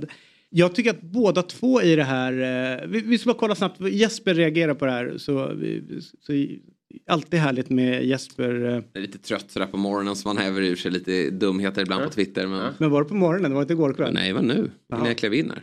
Ja, det var redan då. Nej, men han vill ju inte vara där. Nej. Han vill ju inte vara där. Skydda gubben nu. Låt han gå hem och, och så får han släppa den här ilskan och så är han tillbaka på Renés brygga nästa sommar där han har fått samla sig och där man får se tillbaka på en, en, en fin eh, karriär ändå i landslaget och då tänker jag främst på de första åren då där han tar oss till två mästerskap varav ett var extremt lyckat och ett var fullt godkänt. Men det här är ju bara ovärdigt att han ska sitta där och, och, och, och väsa ur sig sån här skit. Det är väl klart att Många spelare vill ha en ny identitet. Vad sägs om att börja vinna? Alltså en identitet där man vinner. Och då talar jag inte om någon januari-turné. Så att, jo, eh, Janne. 26 spelare vill ha en ny identitet. Och där är, det är att vi börjar vinna. Och, och då är man som ledare lite ansvarig för det. Så att, att han ska hålla på och vara var bitsk och, och, sur i ton mot Johan som ställer vettiga frågor. Nej, det där blir här är inget bra. Alltså, det här är inget bra alls. Det blir bara värre och värre. Ja, jag får äh, ont i magen av att se honom. Ja, Jag hör dig, men det finns en grej som jag lärde mig. Då ska jag ändå gå fram och Ja. krama honom på Lidingövallen och tacka honom för hans gärning. För det tycker jag. Men det här på slutet är inte bra. Nej, men jag, jag, jag hör det. Jag tycker att båda två är lite grann eh, att fel här. Jag tycker Janne hanterar situationen fel. Men jag fick lära mig den hårda vägen med när man är ganska svepande och säger många eller förbundet eller vet sådär när man gör intervjuer. Eh, och då eh, höll vi på, på SVT på den tiden och granskade lite grann runt eh, det alpina. Och då var det en som sa till mig så här att eh, det är så dåliga frågor. Vadå, vadå förbundet? Vadå många? Vadå, vet så här, kom, konkretisera. Så har vi någonting och, och liksom en chans att svara på. Så att den är ju liksom ganska ibland svepande grejer som jag vet att folk som sitter på andra sidan kan bli lite så här störda på. Så här, många, och, och så, så här, många 3 och 26. Nej, det stämmer inte. Det är liksom några få. Eller jag pratar med tre, fyra stycken. Att man, man liksom säger till. Eller man lägger upp det så att det inte blir Ehm, det är väl en del men eh, jag håller med. Nej, men så här, jag håller med. Så här hade Janne inte agerat Nej. 18, 19, 20 eller kanske 21 där. Eh, visst var det uppskjutet EM där. började. Sommaren där efter Spanien. Just det. För vem skull gör han någonstans- det här? Alltså, för jag, jag, Nej, men jag här- tror att det är personlighet. Alltså, jag är helt hundra på att det är Ja. person, alltså det, de har krockat. det, det tror jag också. Jag tror- och det skicka det- fram han Peter då. krockar ju med Nej, men Bojan det, också. nej, han krockar ju med många. inte. Det kan jag säga det. Men han krockar ju med många. Det är ju så. Han blir ju arg Ja, men det, Han klarar inte mycket- kritiska nej, frågor. Nej, eller så, jag tror att alla kommer, vara, kommer hamna där. Nej. Det är för så jävla Nej, därför, där. vet en som har en intressant mediehantering det är ju Henning Berg i AIK. Han har ju varit ett as från första dagen. Han har ju varit oskön från första dagen. Och det, alltså, någonstans, jag bara uppskattar det nu. För att han kör samma sura, tråkiga linje hela tiden. Och det störde mig i, i motgång, men nu börjar det gå lite bättre. Och jag fattar, nu börjar jag fatta varför han gör det här. Nej men det är smart, för att det, då kan ingen folk börja liksom eh, vända i, i sina åsikter kring hur han har, Du har eh, helt skött rätt. frågor. Det första Ham Hamrén, han, hans VM 2018, det var att han hade halsduk, tredje kostym och dansade i Skavlan. Ja. Var ett as istället. Ja. Alltså, var inte charmig. För. Du kommer bara, att- då, har, du- då har du satt dig själv på en platå. Och där har vi Mellberg. Han är ju inte charmig i- medialt. Han är säkert jättetrevlig vid sidan av. Men han har ju kört sin gråa linje med media ända sedan han slog igenom. Så att det där tror jag är en rätt taktik att gå. Arteta samma sak. Fast du vinner så är han oskön. Klopp däremot som är skön vid vinst och sen vid förlust så framstår som en psykopat.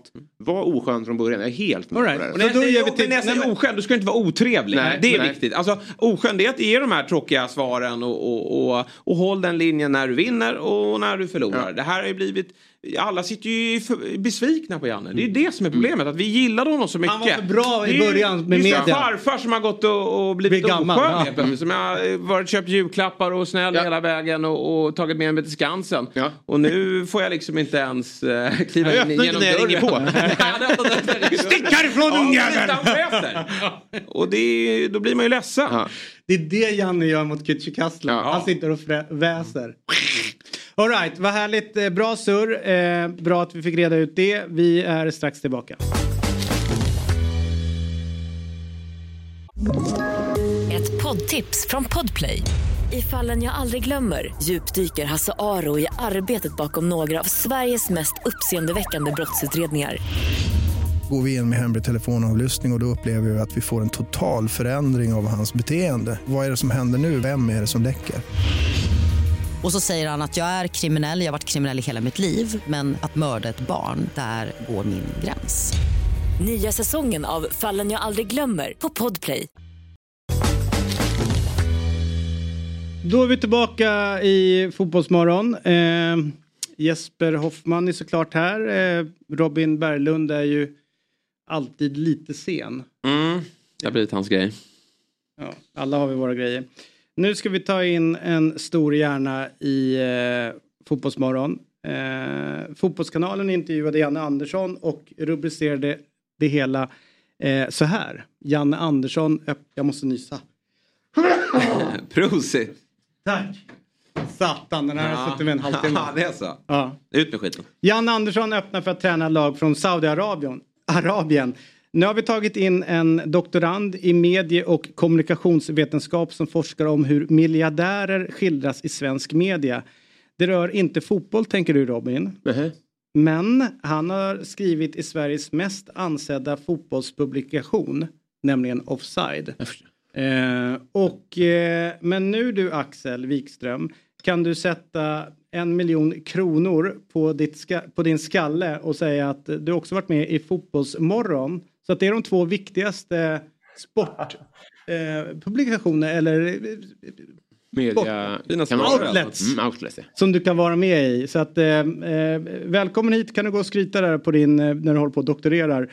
Så god morgon doktorn, hur är läget? Absolut, vilken, vilken oskön start från min sida också. Nej, nej, nej. nej, nej. Det var, nej men tack så mycket. Ja, men det, det är bra med mig. Hur är det med er? Jo, Men det är alldeles eh, utmärkt.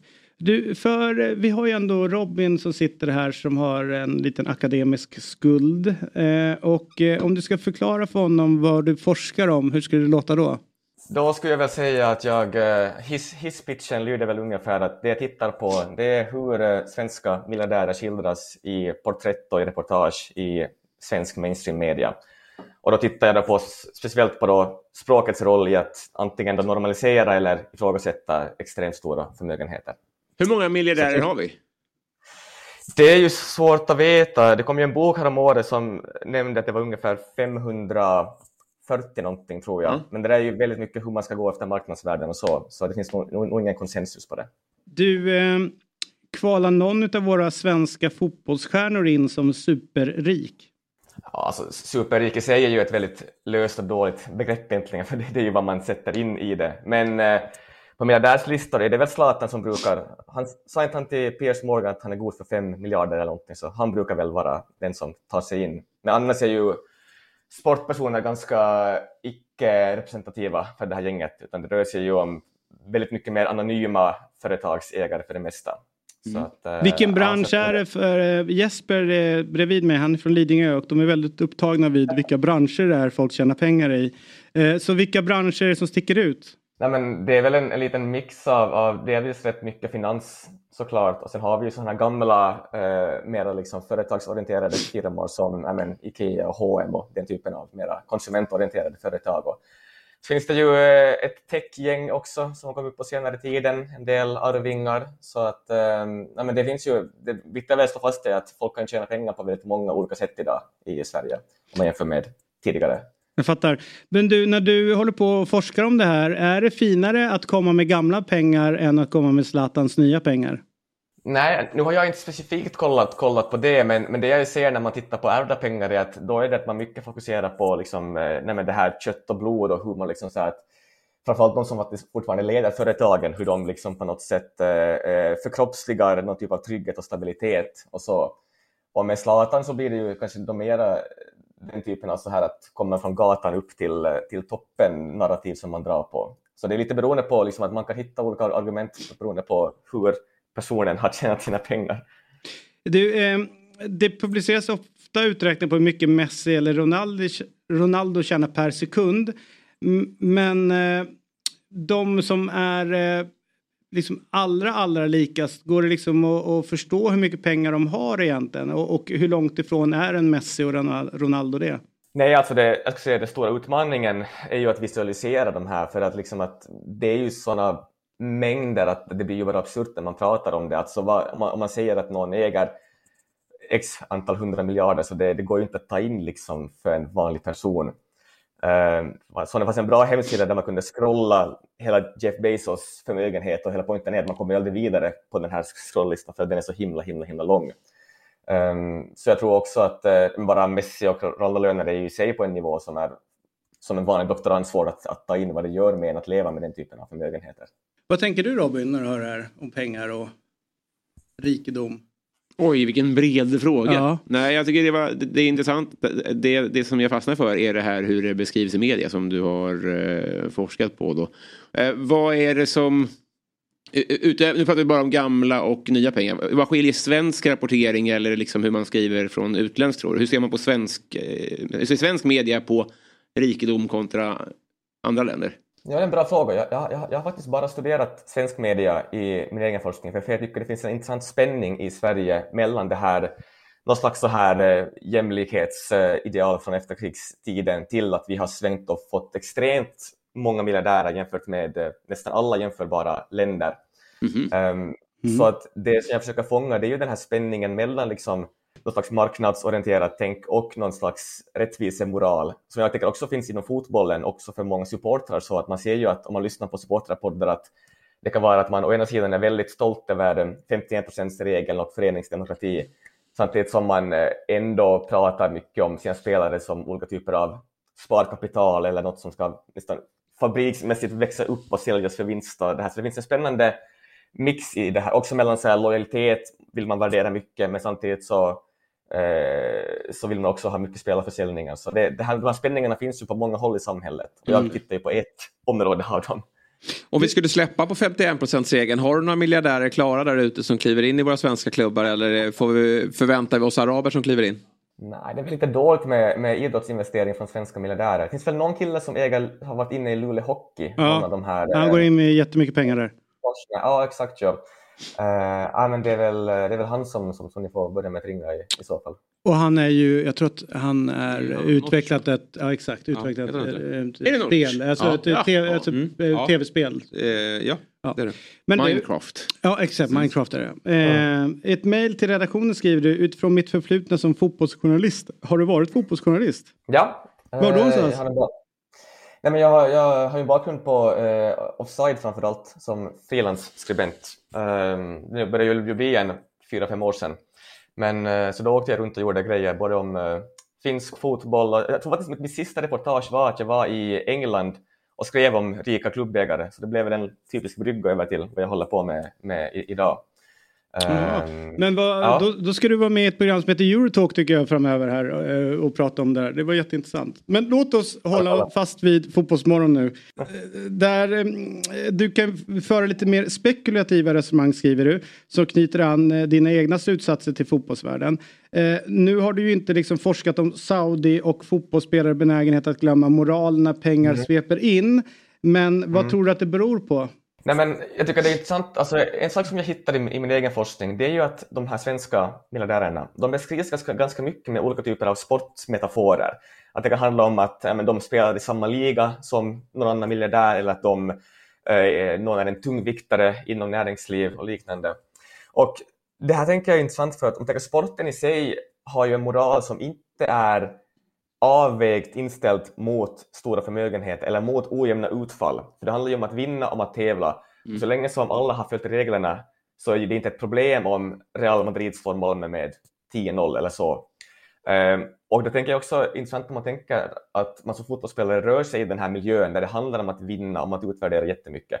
Då tänker jag också att det blir ganska logiskt att pengar blir bara ännu ett sätt också att mäta din prestation. Det blir ett sätt också att konkurrera kanske internt med andra spelare. Eh, så egentligen är det kanske inte så förvånande att det här, de här andra moraliska bitarna lätt hamnar, på, eh, hamnar i andra hand. För att man är så van att tänka i konkurrens och i att liksom, eh, eh tänker att hela tiden komma vidare. För vi ser ju i, i vissa klubbar att det, vissa spelare för dem är så jävla viktigt, jag ska vara bäst betald. Mm. Oavsett vad. Ja. Eh, ser du det i andra branscher också eller är det liksom just idrottsvärlden som sticker ut när det gäller det? Jag skulle säga att forskningen överlag pekar ju på att vi ofta tenderar att jämföra oss med de som är närmast oss både ekonomiskt men också i vår egen närhet. Och tänker om, om man är i ett omklädningsrum, som spelare är man ju ganska ofta isolerad till sin lilla bubbla. Mm. Och så utifrån det skulle man ju, nu finns det inte forskning på det här vad jag vet, men att det skulle vara väldigt logiskt att man då lätt börjar jämföra med killen som sitter bredvid en eller mittemot en i, i rummet. Um, och jag tycker att man borde göra mycket mer forskning på det här, för det är ett spännande litet ekosystem, ett omklädningsrum. Mm. Uh, så här borde jag eller någon annan tycker jag, ta tag i, i, i, lite, i lite forskning. Men, ja, förlåt, men, men eh, den här eh, kraftmätningen, vem som har mest pengar i varje lag och sånt där är ju väldigt intressant. Men det bygger också på att siffrorna i någon mån är offentliga. Det är så mycket mm. toppfotbollen som inte är det. Det är så mycket siffror och så mycket pengar som går mellan parter och förbund och pampar som man inte har koll på. Varför är de här siffrorna offentliga tror du? Eller varför, varför vet vi hur mycket Ronaldo tjänar? Det är också en väldigt bra fråga för att alltså tittar man bredare så är ju, um, bygger ju jättemycket av vår ekonomi idag på ganska mycket bristande transparens. Ja. Alltså det är samma om man tar till det här skatteparadis och offshoring och jättekomplicerade företagskonstruktioner. Så att um, det att vi inte heller vet allt som sker inom fotbollen följer ju ett större mönster. Sen är det generellt så är det lättare att få reda på uppgifter om löner än om förmögenheter. Och i och med att fotbollsspelare rätt mycket handlar deras inkomster fortfarande om vad de tjänar eh, liksom, och vad som sedan deklareras in. Så jag skulle säga att det är därför det är lättare att få reda på den här uppgifterna jämfört med kanske vad Zlatans, alla hans företag engagemang, hur de ser ut exakt. Mm, så att, eh, ja, Mm, du, Axel, innan jag släpper dig. Eh, det, nu har vi pratat om eh, spelare som tjänar oerhört mycket pengar eh, och de tävlar i det. Eh, men sen finns det ju liksom eh, de som sticker ut i den här världen och jag tänker på Sadio Mané som trots mm. att han är i den här miljön, är inne i det här slutna rummet, sitter bredvid de här uh, världsstjärnorna så har han ändå ett helt annat perspektiv på, på förmögenhet och pengar. Att han eh, skickar ut, eh, han ger ju jättemycket bidrag hem, det är skolor och det är sjukhus och det är allt möjligt. Mm. Hur eh, ovanligt är det att man hittar sådana här personer som i de här miljöerna med de här rikedomarna runt omkring sig lyckas ändå behålla någon form av eh, ett eh, solidariskt perspektiv på, på situationen? Ja, det är en bra, bra fråga. Um, och vad jag skulle säga gällande Mané är väl att, att uh, det finns jättemycket fint att säga om, om, det, om, om det fallet, men samtidigt tycker jag att man ska också komma ihåg när vi bedömer det att det finns något lite bisarrt med om vi tänker att, att omfördelning ska ske genom enskilda individers mm. liksom goda, goda vilja. Om vi, om vi landar i att, att, att, att vi blir beroende av att och det bara det, det, det absurda i, i att, alltså att någon gör en manéresa är ju så extremt ovanligt. Um, att det känns som att man lätt kan landa in i ett tanke där man också berättigar huruvida ordnar samhället genom att man ser, men kolla, det finns folk som verkligen gör bra, som bidrar och han har en stor inverkan på sin lokala, sitt lokala eh, samhälle. Men jag tänker att, att eh, om vi landar i en bild att, att omfördelning ska vara beroende av enskilda individers goda vilja, då, eh, då har vi en väldigt, väldigt skör samhällsordning. Så är det ju, men, men skulle du vilja ja. säga att man har en moralisk skyldighet att om man tjänar så mycket pengar att ge tillbaka till de som inte har? Nej, det, det är en fråga som jag, jag kanske inte ska gå in och uh, uttala mig i specifikt, men jag tycker det är bra att man lyfter frågan i, i vad ska vara på individen och vad ska vara på samhället. Vi landar lätt idag i att allt handlar om, om vad du som individ ska göra och bidra med. Um, så jag tycker det finns viktigt att lyfta det. Också det här, jag tycker det finns mycket att gå in i den här spänningen som finns mellan de här, att, att vi blir besvikna på folk som drar till Saudi och vi samtidigt vill liksom uh, besjunga när vi, när vi säljer Hugo Larsson för jättemycket miljoner. Mm. Det finns något spännande att gå in och, och peta i, eh, tycker jag. Så att, eh, det hoppas jag att, att vi alla kan göra mera framöver och prata om vad vill vi ha för fotboll egentligen. Mm. Vilka värderingar ska, ska få styra. Vi vill bara ha en massa mångmiljonärer som jagar en boll. Det är det vi vill ha. Det vore gott. Det är det bästa. Eh, exakt ja, exakt ja. Varför inte, varför inte? Exakt. All right. Att, eh, men Axel, låt oss hålla kontakten. Jag tycker det var superspännande eh, ämne. Ja, är, det tack. du vill, Nu- sä- är det någonting du vill säga innan vi släpper dig? Jag fick dra min, min bästa, min bästa fotbollsanekdot om eh, min farfar och Putin. Tänkte jag Kör, jag skulle- ja, vi kör den. Kör den. Det, det måste vi ha med. Bra sätt det var på, det var på, eh, måste bara- på 90-talet så var Putin i Åbo på någon typ av statsbesök. Från, jag tror han jobbade i Sankt Petersburg eller någonting. Ja. Och då ville de- de här ryssarna spela fotboll eh, mot något gäng. Och så kände tror jag borgmästaren i Åbo min farfar som hade något lag i division 5 eller så. Och så var han så att men, kan ni spela mot de här ryssarna? Och sen så sa så, farfar ja okej absolut. Och då under den här matchen så ska då farfar ha, ha glidtacklat Putin så han bröt nyckelbenet. Eh. Ja. Enligt Putin själv i varje fall. Så, så, det var, så det var lite ru- rubriker, man tror farfar har sagt i någon, någon intervju att han är, han är enda som har stoppat Putin med, med våld. Så att, eh, Hatten det av. är, eh, ja, jag vet inte vad man ska säga men det Nej, är... men ja, framförallt så kanske din jävla farfar som ligger bakom att han håller på och, och krigar nu. Att han Precis, skapar en ilska som han inte har Ja, släppt. den här smärtan han har här i, runt nyckelbenet. Har gjort att Jag han hoppas har... att det inte är så. Ja, Nej, nej, men man vet inte. Vi får surra med honom om han lever. Du, tusen tack, eh, tack för den här morgonen Axel. Eh, och eh, glöm inte Eurotalk, det finns mycket för dig att göra där.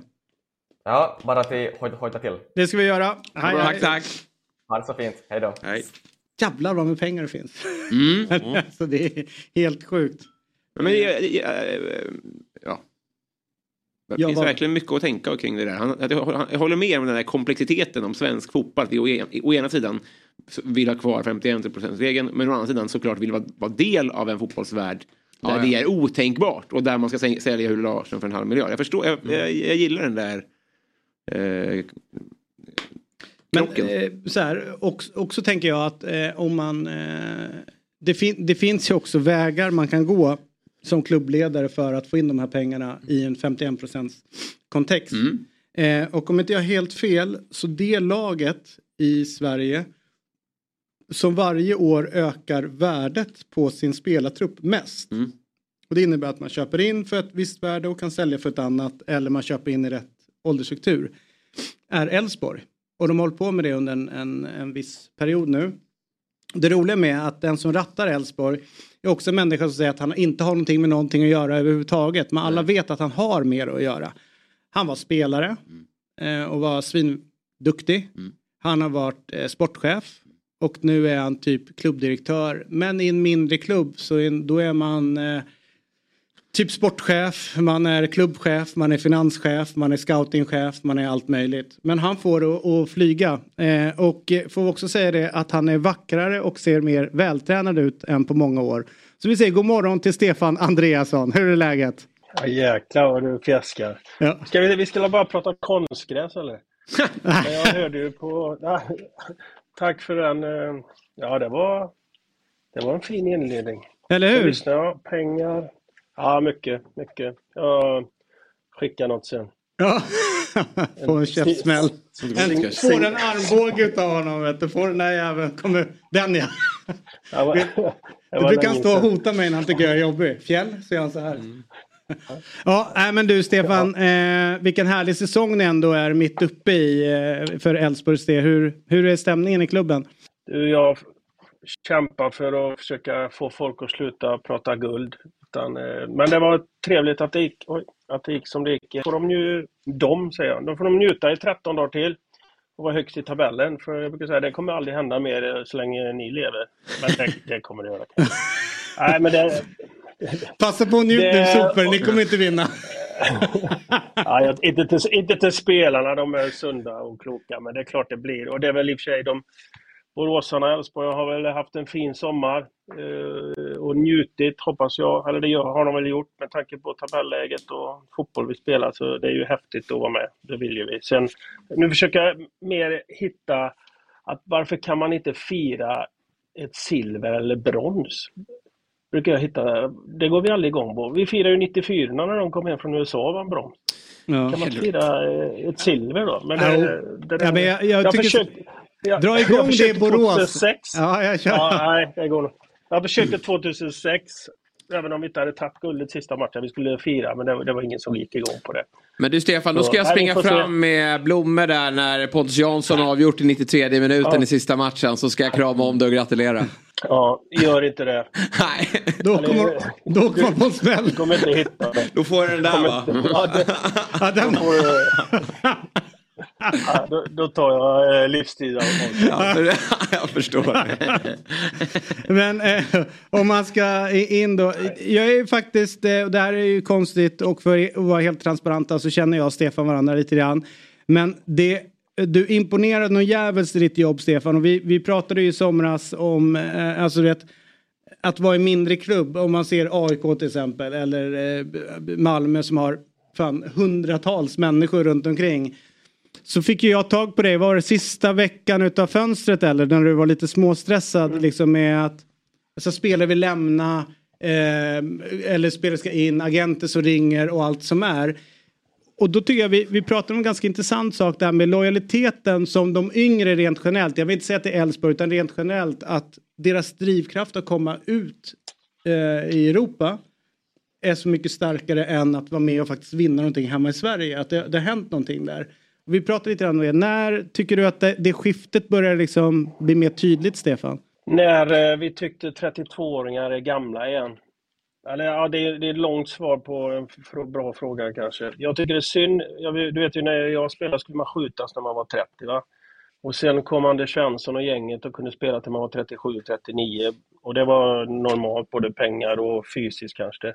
Sen tycker jag den pendeln har svängt igen, där man tycker att någon, nu 35-åring, det är inte aktuellt att spela längre, eller till och med 32 är man redan gammal och så. Om man börjar där, då slår det direkt mot de yngre, för då blir det tålamodet bra mycket mindre. Är man inte med i en A-trupp när man är 16 typ, eller 17, man åker på landslag som jag inte tycker är bra alltid. Så här. Alltså det, blir en, det blir en eh, tålamod finns inte och det, det slår lite därifrån med ålder. Jag, men eh, sen tror jag alla, det brukar jag säga till företagsledare, om man Eh, alla, vi har en arbetsplats där alla vill iväg hela tiden och det tror jag ganska, det tror jag att alla företag har det så. Och, och då är det väl att kämpa emot med det och hålla fast vid någonting.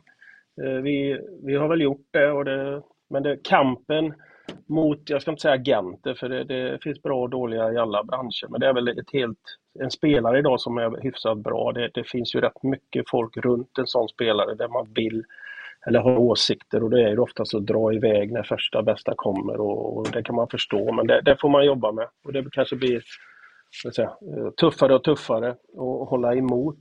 Eh, Och inte minst kanske om man inte har jobbat i 23 år. Nej. Då har, man, då har man något att referera till kanske. Med lyckade exempel och det är väl där vi har lyckats hyfsat. Men det, jag tror vi har ganska hyfsat skonade här i, i, lilla Borås, lilla Älvsborg. Men det, det är en tuff kamp och jag är inte avundsjuk på de kollegor som sitter och jobbar med de frågorna och försöker hålla emot. Och krit, ni är kritiska för någon lämnar och sådär. Det är en, det är en dragkamp om unga spelare från alla håll och kanter och inte minst från utlandet. Då. Det var ju roligt för att eh, eh, det var ju dels lämna Römer och så var det snack om att andra skulle gå och eh, då var det så här nu kommer Elfsborg återigen sälja guld. Det var ju det snacket och så pratade jag med dig så var det en helt annan verklighet där bakom. Spelare som vill gå eller finns familjeband eh, liksom band som gör att man måste gå. Hur frustrerande är det att sitta i den positionen och så skrivs det, vi sitter här och pratar, det är tidningar och, och på stan och du inte kan berätta hela sanningen om, om det. Liksom, är, är inte det... Ja, hur, hur är det?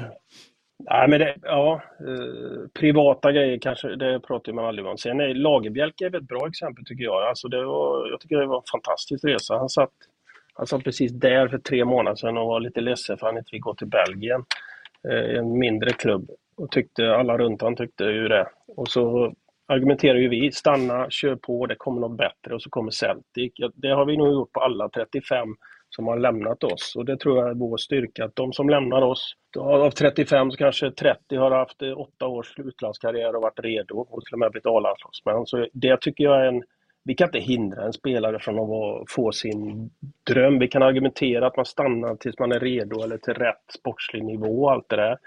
Men att vi skulle hindra en Lagerbielke att gå till Celtic, då tappar vi all vår tro, trovärdighet vi har haft i 23 år eller vad det nu är.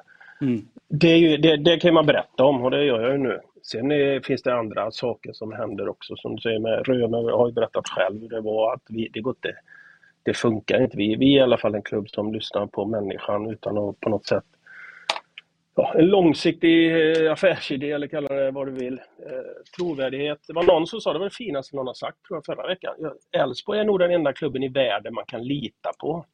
Det tyckte jag var fint sagt. Ja, jag tror varför- fotbollen har blivit så. Man litar inte på någon eh, eh, överhuvudtaget i den galna världen vi är i. Nej, det är jag sjukt. hoppas eh, man kan lita på Elfsborg. Eh, nu byter jag ämne lite då. Men i början här, jag, jag förstår att det var lite på skoj och lite raljant som du pratade om att man kan fira ett silver och att du försöker få folk att inte prata om guld och sånt där. Finns det någonting i det att det, det stör processen lite? Eller, vilka är det som pratar om guld som stör processen skulle du säga? Är det journalister eller är det på stan eller är det var? var? Ja, nu är det nog ingen runt mig som vågar prata om guld för jag har varit så jävla förbannad.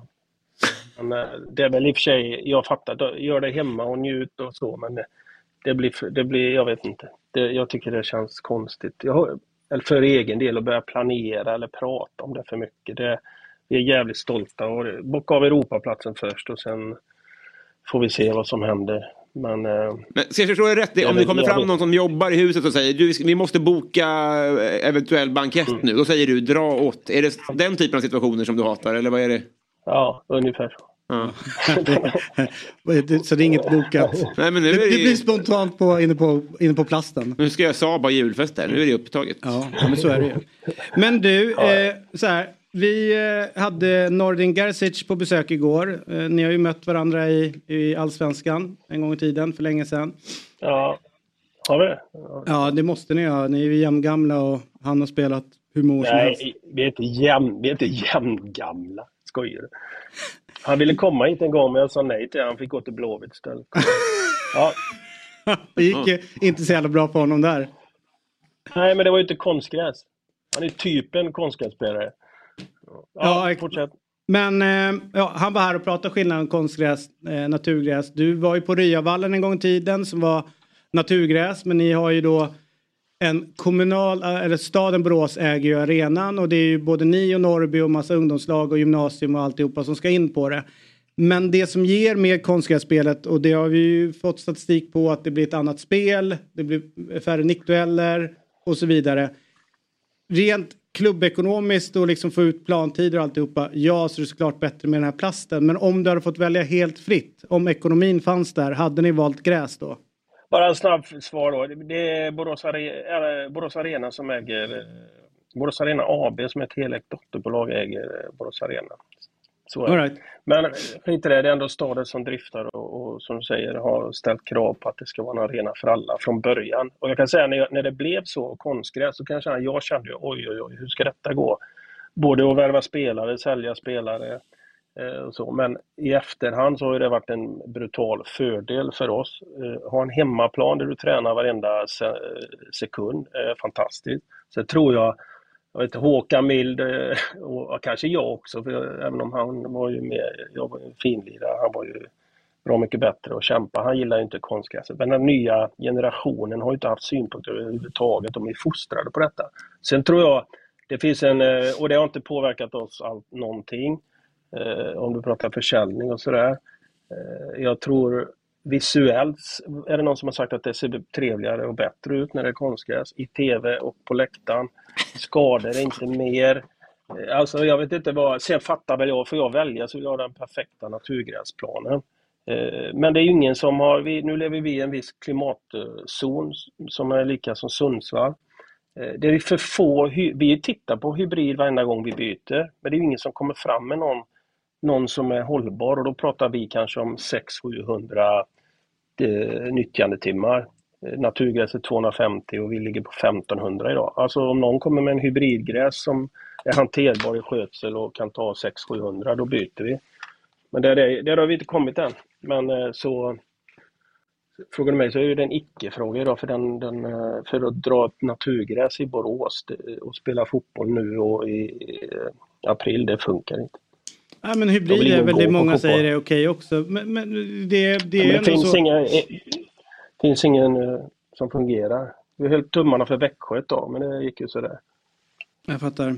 Vad tror du framtiden är på svensk fotboll? Tror du att vi kommer rulla på med konstgräsmattor eller kommer vi bli mer hybridanpassade? Ja, någon eh, utveckling är det väl hela tiden. Det känns som konstgräset går mot hybrid, typ i- åt det hållet istället för att naturgräs går till hybrid. Eh, Så ja, jag tycker inte den är inte på agendan. eh, Så vi, vi kommer byta tror jag nästa sommar igen och hitta det bästa eh, konstgräset på marknaden. Det är väl så vi jobbar. Och så får vi se vad utvecklingen är. Norge Ja. skulle väl, i, i Sverige driver ju några vi ska ha ett naturgräs överallt. Det låter inte, det låter svårt och orimligt kanske. I Norge är det tvärtom, ja, det vill alla ha konstgräs. Jo, fast är Norge är inget bra exempel i något sammanhang. Jo, de lever på sin jo, jävla olja. Så det är bara att lägga ner. Nej, men jag, vad var frågan där? Eh, vill jag ha, klart jag vill ha naturgräs om det går att hantera eh, med skötsel och att planen är bra hela tiden. Härligt. Du, eh, Jimmy Tillin, är han nästa förbundskapten eller? Det tror jag inte. Vem skulle du välja om du fick välja?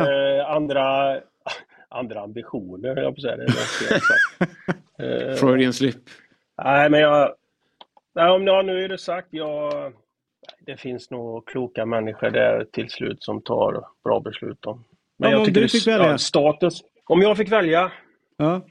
Jan, Ma, Jan Mak tänkte jag säga. men jag. Eh, eh, eh, nej, ja, ja, eh, nej, det finns rätt eh, många eh, bra. Jag vet ju vilka som var aktuella när Janne fick jobbet eh, sist. Eh, jag vet inte om de är, det var ju Lennartsson och Haglund, det är två som Elfsborg har haft. Ja. Haglund? Vad fan, den har man ju glömt bort. Då får du din 4-4-2 igen. Ja, ja, ja, men jag gillar 4-4-2, det vet du. jag jag är svag för 4-4-2. Men om du kan, kan du svara på den här frågan då? Eftersom, här kunde du inte svara på tyckte jag riktigt. Eh, Det är anledningen till att du inte vill svara på den typen av frågor att då börjar det spekuleras ifall du vet någonting. Är det det som är, för det är en helt ofarlig fråga. Om du inte tar det till liv. Om, förbu- om förbundskapten menar du? Ja. ja. Ja, nu, har, ja, nu har ju Jens T slutat i och för sig. Så, eh, ja, jag, jag, om jag skulle välja. Jag, vet, jag känner inte han. Eh, jag har Haglund Lennartsson, men det, det, det säger jag för att de har varit i Elfsborg och var aktuella förra gången. De kan passa. Sen har jag, utan att känna honom, så tycker jag att han gjorde ett bra intryck på mig när han var i Sverige och har fått internationell touch. Det är ju han Bartos. Ja. Just det. Ja, bra. Bra. Bartos alltså. Barre. All right. Du, eh, Rickard Henriksson har kommit in i studion. Eh, så att vi ska prata lite med honom. Men alltid, eh, alltid härligt att ha med dig Andreasson. Eh, och Det är inte passar- så jävla tidigt. Ja. Tack. Arbetare, skillnad från i Borås där man sitter och slaggar hela dagarna och lever på modepengarna. All right. Men du... Eh... Vi skickar en mobilhållare till dig. Ja, nej, gör inte det nu. Nej. Jag, farsan har gått bort, annars hade han fått den i julklapp. All right. ah, Jag beklagar. Ja, det är Ja, ha det gott. Sköt om er. Hej, hej. Håll Hej, tummarna. hej. Ja, det ska vi göra. Ja, det gör vi. Ja, det Hej, gör hej. vi. Men inte nästa. Hej! Ett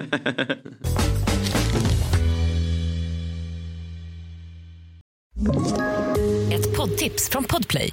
I podden Något Kaiko garanterar östgötarna Brutti och jag, Davva, dig en stor dos skratt. Där följer jag pladask för köttätandet igen. Man är lite som en jävla vampyr. Man har fått lite blodsmak och då måste man ha mer. Udda spaningar, fängslande anekdoter och en och annan arg rant. Jag måste ha mitt kaffe på morgonen för annars är jag ingen trevlig människa. Då är du ingen trevlig människa, punkt. Något Kaiko, hör du på Podplay. Därför är gardinerna. Stefan Andreasson. Du mötte honom. Välkommen Rickard Henriksson. Tack. Ja. Jag hörde inte vad han sa. Nej. Livrädd för att det skulle komma någon banter. Nej, nej, nej, han, var, han var snäll. Tur. Möttes ni någon gång eller? Ja, inte som spelare tror jag inte. Han är nog lite för gammal för mig. Han körde ju hela 90-talet och då var väl du uppe och snurra? Ja, debuterade jag alltså. Ja. 1999. Ja, då körde väl Och han. mötte inte Elfsborg då i alla fall. Nej, jag har inget minne av honom. Nej. I alla fall. Nej, så är det. Eh, så här är det, om ni kommer ihåg eh, Rickard Henriksson från tiden på Sveriges Radio så hade han en fantastisk radiodokumentär som hette Matchen. Mm. Men den var ju tvungen att läggas eh, på is. Därför att han lämnade Sveriges Radio och tog sitt pick och pack och gick över till fina Viaplay. Men eh, det här var ju så fantastiskt bra idé med matchen. Så att det har han tagit med sig till Viaplay och nu kör igång och nu är det mer rörligt. Jag tycker det var en jävligt bra idé med matchen och ser ju fram emot det här också. Eh, hur kul är det att hålla på med det här? Otroligt roligt, närmast besjälad av detta. Det är ett väldigt kul koncept för de som inte då känner igen det som här i tv heter En match med. Eh, det vill säga vi tar en huvudperson, Mm. stor fotbollsprofil som får berätta historien om för den personen då väldigt viktig match i dess karriär. Och programmet är verkligen att när programmet startar då startar matchen. Och sen är det ett berättande som tar oss igenom hela den. Detaljerna som ingen normal människa kommer ihåg från matcher. Och sen då, vilket är väldigt, det som gör det väldigt roligt, är att jag tillsammans med den här huvudpersonen då också bjuder på saker vi inte kände till bakom kulisserna, grejerna som ger det där extra också. Det är jävligt spännande. Eh, det folk säkert har koll på men kanske inte är de allra yngsta det är att du själv spelade fotboll på högsta nivå ju. Eh, vilken match sticker ut i din karriär? Jag, jag brukar få den frågan i och med det här konceptet. Väldigt enkelt för mig. Jag har gjort ett mål i Allsvenskan. Och det gjorde jag den 11 september 2001. Eh, Mot Malmö då? Borta mot Malmö Ja. FF. Och vilket också betyder, det är ju stort att bara göra mål i Allsvenskan eh, för sin moderklubb. Det betyder också att vi då, i Djurgården då, eh, gick upp i serieledning i Allsvenskan. Så det var liksom ett viktigt mål också i slutet av matchen. Så den matchen i sig för mig blir ju väldigt speciell och där finns ju definitivt en story. Ja, jo, men minns du varför spelades matchen? Alltså, minns du något av Jag känner själv att jag typ, om folk har sett mig i något annat sammanhang så är de aströtta på att höra mig berätta den här storyn. Eh, så jag ursäktar dem som möjligtvis har gjort det. Eh, nej men så här, alltså det är 2001. Det var inte dagens snabba nyhetsflöde på samma sätt. Eh, terrorattackerna i USA sker ju då på eftermiddagen svensk tid. Vi hör om det, vi landar i, i Malmö och vi hör liksom på ekot eller på radionyheterna på bussen på väg in till Malmö. Att ja, men, mm, folk vet ju inte så mycket i början. Ett plan har kraschat i New York. så. Sen kommer vi till hotellet. Jag kommer ihåg att vi liksom upp på rummen. Man kanske fick vila en timme, 45 minuter. Sen skulle vi sticka iväg. Ja, då scrollade man inte mobilen eh, som man gör idag. Utan då la man sig och vilade.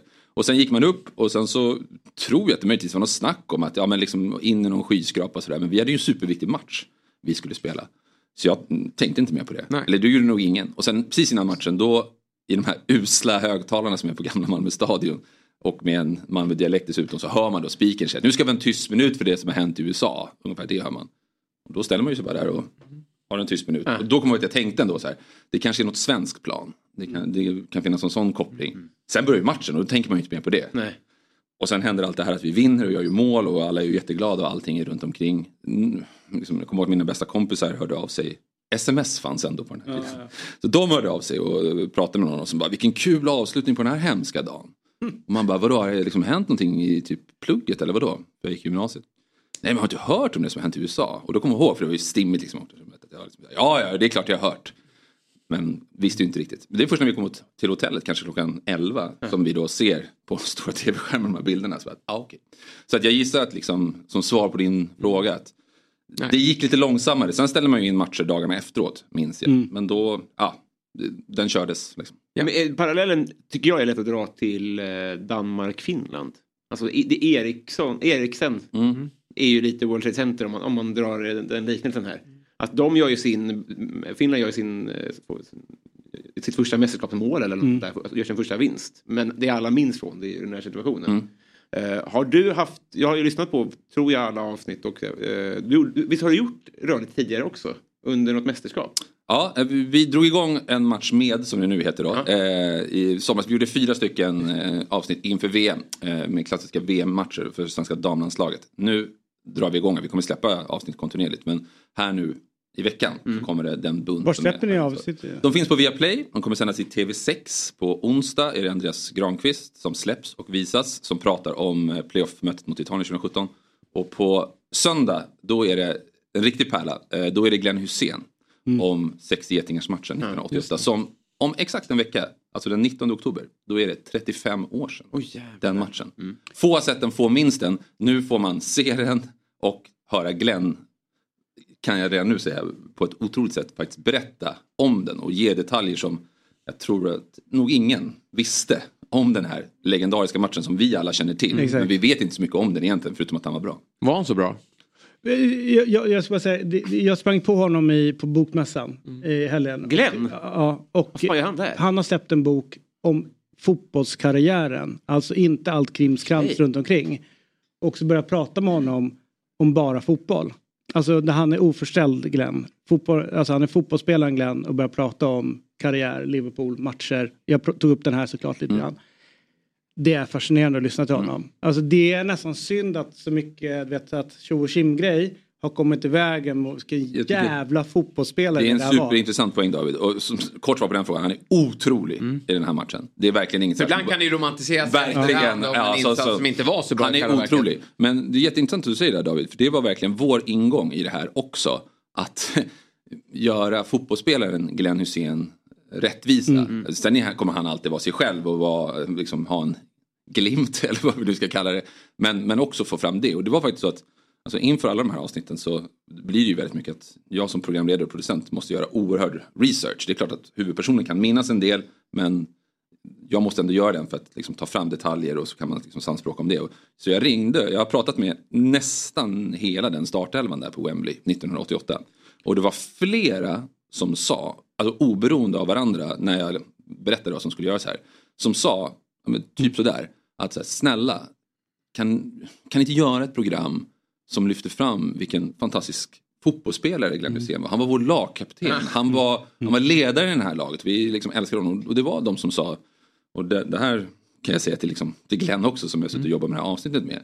Som sa just det, att ja, men, flera spelare som sa att ja, men, det är så synd när jag hör mina barn eller barnbarn prata om Glenn Hysén. För de har bara den här bilden av ja, den goa gubben som säkert ibland driver med sig själv och ibland blir driven med och så. Och de, de tyckte att det var liksom sorgligt. Lyft gärna fram honom som spelare. Nu gör vi inte det här programmet för hans lagkamraters skull. Men, men det validerade exakt den där tanken som vi gick in med också. Och då var det väldigt härligt också.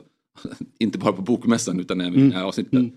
Det är intressanta resonemang eh, Ja. som förs av Glenn kring fotbollen också. Vi börjar prata om liksom, ja men vi har inte mittbackar som kommer fram. Alltså bara höra han börja prata fotboll och Mm. vad han ser. Ja, det var ju så här nästan mindblowing. Ja, och För- man har inte som man har med. Peter, i den här matchen, Larsson. som man har med Peter Larsson är också som ju, jag, jag tror få, få svenskar vet att det var Peter Larsson som spelade bredvid honom. De är två Europas bästa mittbackar Mm. tillsammans och, och liksom höra de detaljerna också utöver de här sköna Glenn-storiesna som också finns där. Det är jag jättenöjd med att vi fick till det i det avsnittet. Men det är ju jättebra att lyfta fram att han, eh, eh, hans... Eh, men just det, det här komplexa är att han var lagkapten, han var ledare på planen och han var en mittback. Jag kan tycka ibland att när man spekulerar i vilka spelare som borde bli tränare till exempel. Då baserar man det väldigt ofta på vem man är, alltså åt andra hållet. Det finns inget lika med tecken med att vara en ledare på en fotbollsplan och att vara det utanför planen. Att ens vara en ledare för- en tränare liksom. Och jag tycker Glenn är ett väldigt tydligt exempel på att du kan vara en jättebra ledare på fotbollsplan. Och sen är det, han är, det är väl ingen som har hävdat att han skulle vara ett bra tränarämne till exempel. Antar jag. Nej. Men, men det finns ingen motsättning och det är bra att komma ihåg. Liksom. Rent generellt sett den generationen där så är det väldigt få väl som gick vidare. Alltså det, det laget är inte det om jag helt fel. Peter Larsson har ju varit Ja, huvudtränare i AIK. Ja men försök. Nej, det blev liksom inte, de, de nådde inte de nivåerna sen som... Som tränare? Som tränare, Nej, som tittar du på startelvan där så absolut inte. Nej. Det är ju liksom Glenn Strömberg, Robert Prytz, eh, Thomas Ravelli. Mm. Roland Nilsson eh, spelar ju den här matchen, Ja. har ju ändå varit på en tränarnivå. Men definitivt, om man gör den spaningen på det ja. laget. Ja men det just om man tar vid med det. För, att. För, för det man pratar om att det var så mycket kloka spelare. Alltså kolla vilka vi har här. Liksom. Det här är ju egentligen det finaste vi kunde skicka in där. Prytz var ju fantastisk under 80-talet och var kanske lite missförstånd på ett sätt med, med tanke på att vi spelar väldigt långa bollar och han kanske var lite mer teknisk. Men vi hade ju laget där och vi, många av dem spelade i de bästa ligorna och spelade vecka ut och vecka in. Så det var Har vi ju... det också? Ja, fast jag skulle säga att, eh, att vara en av tre utlänningar i italienska ligan när det är den bästa ligan i världen och de startar och är liksom en, någon är lagkapten. Eh, det Glenn gör i, när han är där under det året var ju också helt enormt. Alltså, det var ju på en helt annan nivå än våra, vad de är framme nu. Alltså deras status i lagen. absolut. Det är- det är Sen så kan man- så. sen kan vi- sen-. Sen kan vi le- leta fram spelare som spelade i ett lag. Men vi satt ju inte och sa liksom, åh Lasse, Nil eller Lasse Eriksson var bra när han spelade högsta ligan i Belgien. Han fick inte spela. Mm. Så enkelt var det. De du hade som inte fick spela, de var inte ens med i landslaget. Alltså det var, och de var bra på en hög nivå. Sen har ju fotbollsvärlden förändrats, det vet jag också. Men du kan inte snacka bort att de var bärande spelare i de bästa lagen. Men det var mindre fotbollsvärld, det var mindre konkurrens, det var inte lika många som kom från tredje världen som det är idag. Men vi hade bra spelare där och Jag då. ser bara att det laget som leder den bästa ligan i världen har ju en svensk ute till höger och den som är tvåa i skytteligan är från Sverige också. Det är, så har, har Sverige någonsin haft det. Så. Ja, det har vi Ja, det finns absolut ju haft. början av 00-talet jo. går ju att argumentera för. Ja, absolut. Zlatan, men då hade inte han nått sin peak. Och Henke Larsson var väl alltid jäkligt bra. Men det är en otroligt hög nivå. Absolut, jag. absolut. Ändå vi måste ta. Och, Slagsidat, ja, jag håller med dig. Vi har några positioner och det är väl det som jag pratar med Glenn om också. Ja, vi har några positioner där vi är sjukt bra. Men på den här tiden så var det ju också, men Peter Larsson var bärande i Ajax. Ja, man, Eh, man kan Glenn- dra den här. Alltså, det här är, nu fastnar vi i Ja. avsnittet, vad härligt. Eh, alltså, ett år tidigare så har ju Göteborg vunnit Uefa-cupen. Flera spelare är med där. Ett år. År innan det, semifinal i Europacupen. Och två år efter det här så är ju Benfica i eh, Europacupfinal med den, i den här matchen. Och väldigt unge Jonas Tern som är den talangen som har kommit fram. Han är en del av det laget. Så att, eh, Sverige har ett starkt lag 1988, helt klart. Eh, som jag inte tycker vi kan meritmässigt idag. Nej, är det. Men eh, Och jag, det där hör, jag inte- hör dig men så, här, grejen är att jag tror lite grann det vi pratade om igår med konstgräs. Alltså, vad, vad blir det till slut utav det? Mm. Jag tror kanske för vissa spelare, om man säger offensiva det vi får fram. Jag tror absolut mer avslut i golden zone, mer assist, mer skott, mer mål. Allt det offensivt, det tror jag på. Men jag tror att det får ett pris defensivt. Med det, liksom. det blir, vi, vi blir liksom inte varma överallt utan täcker det lite för kort. Eh, men eh, absolut att vi, vi är inte så dåliga landslagsmässigt som, som vi presterar. Det kan Nej. vi slå fast. Det är vi nog överens om. Eh, så. Men du, eh, de här, vilka spelare har du valt ut? Är det liksom bara så här, de du har varit nyfiken på eller måste de ha, ha någon, någon match som liksom verkligen sticker ut? Alltså, Det intressanta är, vi går ganska mycket på, gjorde vi dels när vi gjorde den här matchen som podcast och dels nu en match med i tv. Eh, alltså hitta, att få spelare att hitta en match som de brinner för har visat sig vara enkelt. Det visste inte jag när hela den här idén koms på. Jag trodde man skulle behöva verka fram, kan du inte prata om den här? Alla i princip, jag fick ju frågan från dig, jag har inte varit på nivån som Glenn Hysén eller Andreas Granqvist Mm. har varit på. Men kan svara direkt, ja men det är den som Ja. jag kommer ihåg. Mm. Eh, Och den är ju stor för mig. Egentligen inte för någon, någon annan Nej. tror jag. På den. Ja, definitivt inte någon annan som var på den planen. Men för mig är den jättestor. Nu råkar de här två då ha, även för den svenska landslagshistorien, väldigt häftiga historier. Och ofta så är det ju, ja men när jag drog min story här så nämnde jag ju bara att jag gjorde mål. Men Mm. jag pratade ju ingenting om hur målet gick till eller att jag var jättenervös innan. Utan det finns oftast någonting runt omkring Mm. som gör det här, att det eleveras till någonting klassiskt. Och om man ska ta Andreas Granqvist avsnittet då som, som släpps imorgon. Vilken Otroligt- match har han valt? Han har valt att playoffet mot Italien 2017 Ja, på San Siro. Och där pratar ju han om att, vilket i alla fall tycker jag är väldigt ovanligt att höra fotbollsspelare säga, han har ju lagt av men det var inte länge sedan. Att alltså han har ångest innan matchen. Ofta när man, även i det här formatet, ska fråga, börjar liksom rycka, ja men känns det innan då? Så är det lätt att man som fotbollsspelare hamnar i det här att ja, men det här ska bli kul och vad är klyschorna? Det är det här vi har tränat för, nu ska vi äntligen. Han säger ju att här, jag har bara ångest. Jag ligger på mitt rum och har bara ångest. Och om någon skulle säga till mig matchen slutar så här, den är bara över. Ja men tack, Jag jag tar det. Jag vill inte spela. Och det tror jag vi också, det känns allmänmänskligt när man står inför någonting som du vill göra det, du har förberett dig, men du är så nervös så att du nästan känner att "Nej, men fan, varför gör jag det här? Jag vill inte spela eller gå och jobba eller programledare här. eller Ja, vad det men nu kan verkligen- vara. ja, men det kan vara- Hur bråkas du som jag längtar, jag längtar efter att det ska vara slut. Och det är de känslorna som han har innan. Och då blir en historia om en sån match berättad av honom får en jäkla skjuts av att han är så öppen med det. Vi ska ta och kolla bara, för vi har ett litet klipp nu på, eh, jag tror att det är, ja det måste vara Granqvist, för det är han som är i bild. Eh, från just... Eh, Du kan din tv du. Ja, på matchen. De okända detaljerna om de avgörande ögonblicken. Jag brukar vara ganska nervös inför match, men där var det olidligt. Det var mer nästan panik. Miraklet i Milano, en match med Andreas Granqvist. Eh, miraklet i Milano alltså. Det, det jag tycker är lite coolt är när man pratar med spelare eh, och det, det behöver inte vara alltid så uppgjort att nu ska vi prata om den här matchen. Men, men bara få en spelares eh, liksom ögonblicksbilder från och ibland kan det vara kul med inte den som är huvudrollsinnehavaren utan någon som har varit på plan bara. Och vilka sjuka grejer som kan fastna i en skalle. Mm. Alltså det kan vara någonting på läktaren eller någonting precis innan Mm. och sådär. Vad är det mest fascinerande du har hört utav de du har pratat med? Någon här, någonting som sticker ut som var så här, det här är udda. Man ska tänka kring de här två avsnitten. Ta även de innan. Eh, det som har varit, oh, det var en väldigt bra fråga. Men det är så, här, medan jag funderar på A specifikt så kan jag, jag kanske ändå bli överraskad av hur många som minns så otroligt mycket. Som har spelat så många matcher såklart, varit med om så mycket. Och utan att, vissa vill ju se matchen vi ska prata om innan. För att liksom förbereda sig på det sättet. Och vissa är så här, men jag kommer ihåg. Och de kommer ihåg nästan varenda fot i sättning. Men en Eh, rolig och, och kan dra liksom detaljer på det viset. O, alltså på det viset otroligt. Men en rolig grej då, vi som har spelat på mycket lägre nivå än både Rickard och de man pratar om, men vi har alla ju spelat fotboll. Finns det någonting från din så här, som när du bara tänker tillbaka så här, har du en ögonblicksbild från en match? Jo men det har man, absolut. Och Vad, vad sticker? Eh, nej men jag kan väl berätta om min fantastiska karriär i division 5. Ja. Där jag i, vi får spela en, en avgörande final. Vi låg alltid i botten och klarade oss i sista omgången eller näst sista omgången. Och då hade vi en match mot dem, eh, lika poäng, de som åkte ur under oss. Och ett lag som, eller ett av oss skulle hänga kvar helt enkelt. Avgörande match, sista matchen hemma på Breviks IP ute på Lidingö. Guldkusten. Guldkusten. Och jag gör båda målen och vinner 2-0.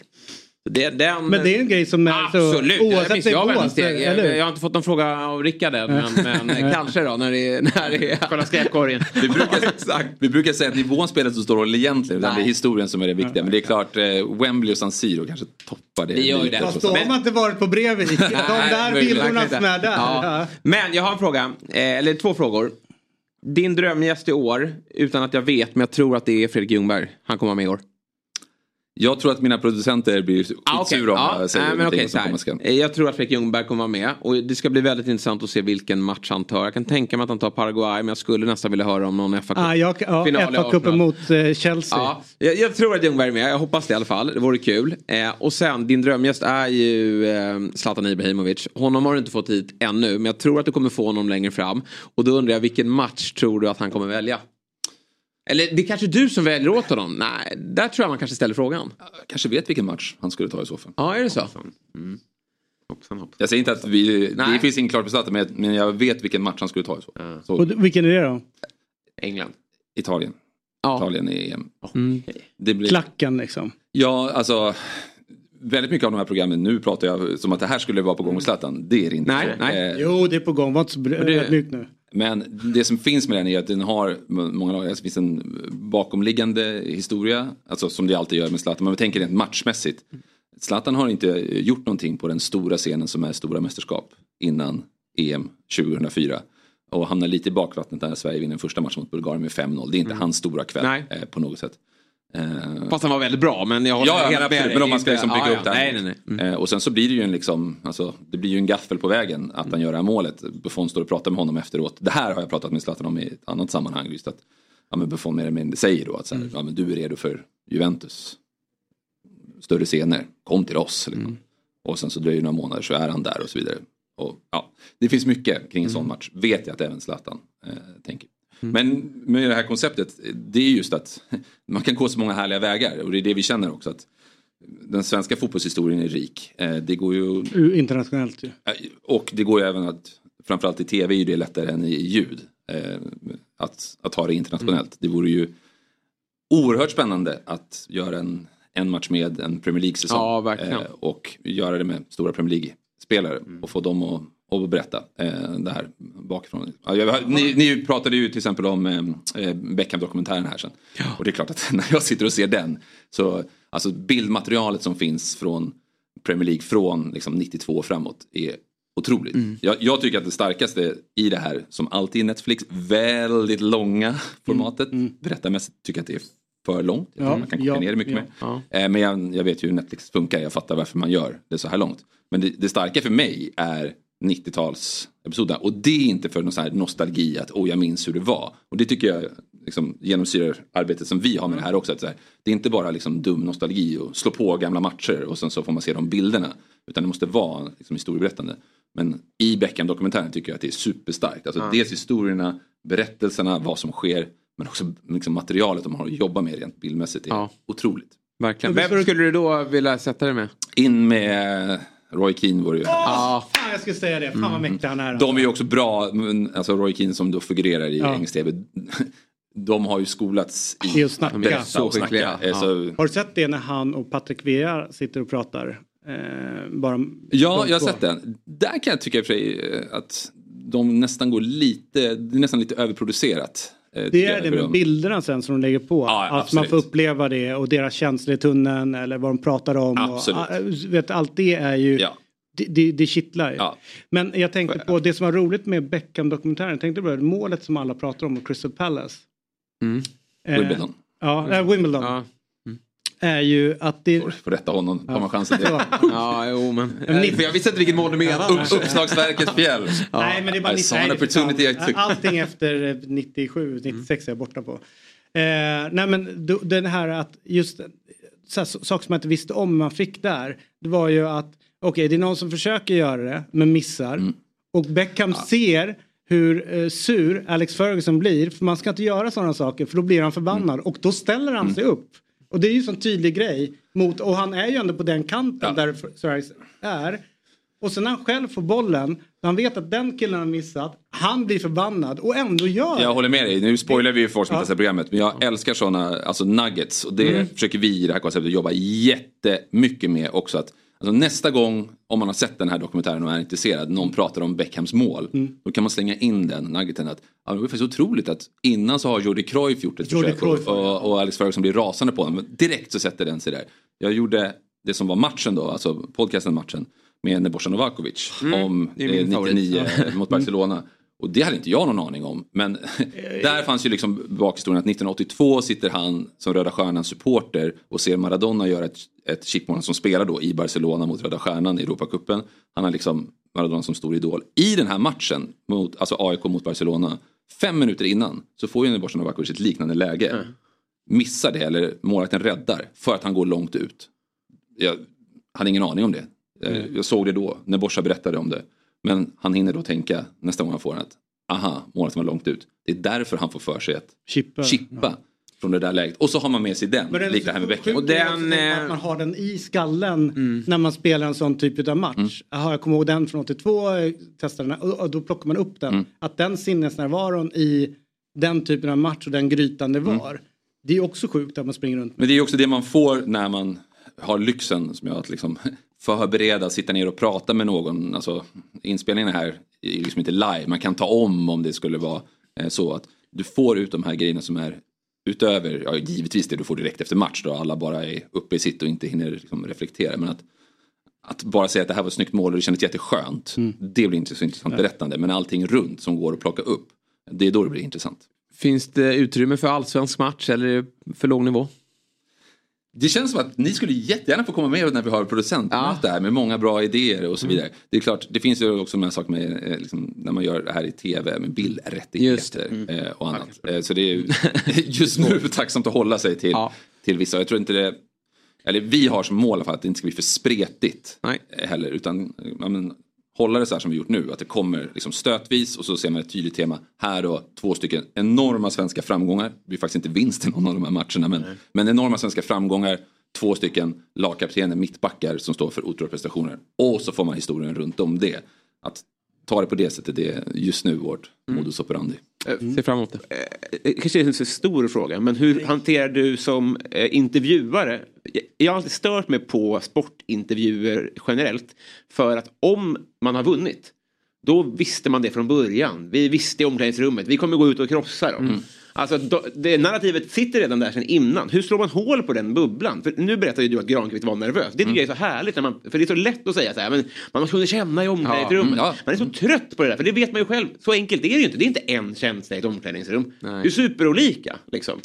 Jag, jag håller med dig och det där jobbar jag, vi jättehårt med. Jag har, vet inte hur många avsnitt som jag har tagit om. Alltså frå- ställ Ja. frågan en tredje gång så kanske du får en annan. Eh, men sen hjälper det också, verkligen. Det är skillnad att få in en spelare som har avslutat karriären Mm. och som pratar om någonting som var. Än en som fortfarande spelar och så tar man en landskamp förra året. För då är du fortfarande inne i det väldigt lätt. Och det kan man på ett sätt förstå att du inte vill visa utåt kanske på samma sätt. Nej. Eh, vad du känner. Men jag håller helt med dig. Och är det så att de svarar på det sättet då nästan klipper man bort Ja. det. För att det är, liksom, det, det är historieberättandet här som är det intressanta. Inte nostalgin och redovisning. Skulle det bara vara redovisning av hur det gick mellan Sverige och England 1988 då kunde, då kunde jag sitta där och titta på bilderna. Nu vill vi få det unika som vi får från Glenn Hysén och Andreas Granqvist som bara de berättar. Det är bara Granen som kan berätta vad Buffon säger till honom efter att italienska publiken har buat åt den svenska nationalsången. Det kan ingen annan Nej. berätta och vad som, säger där, vad som sägs där och det är då ett program blir intressant. Inte bara liksom Men vad. Lustig sa, det tog alla del av. det hörde ju alla. Exakt. Ja, Kan du fråga oss om det?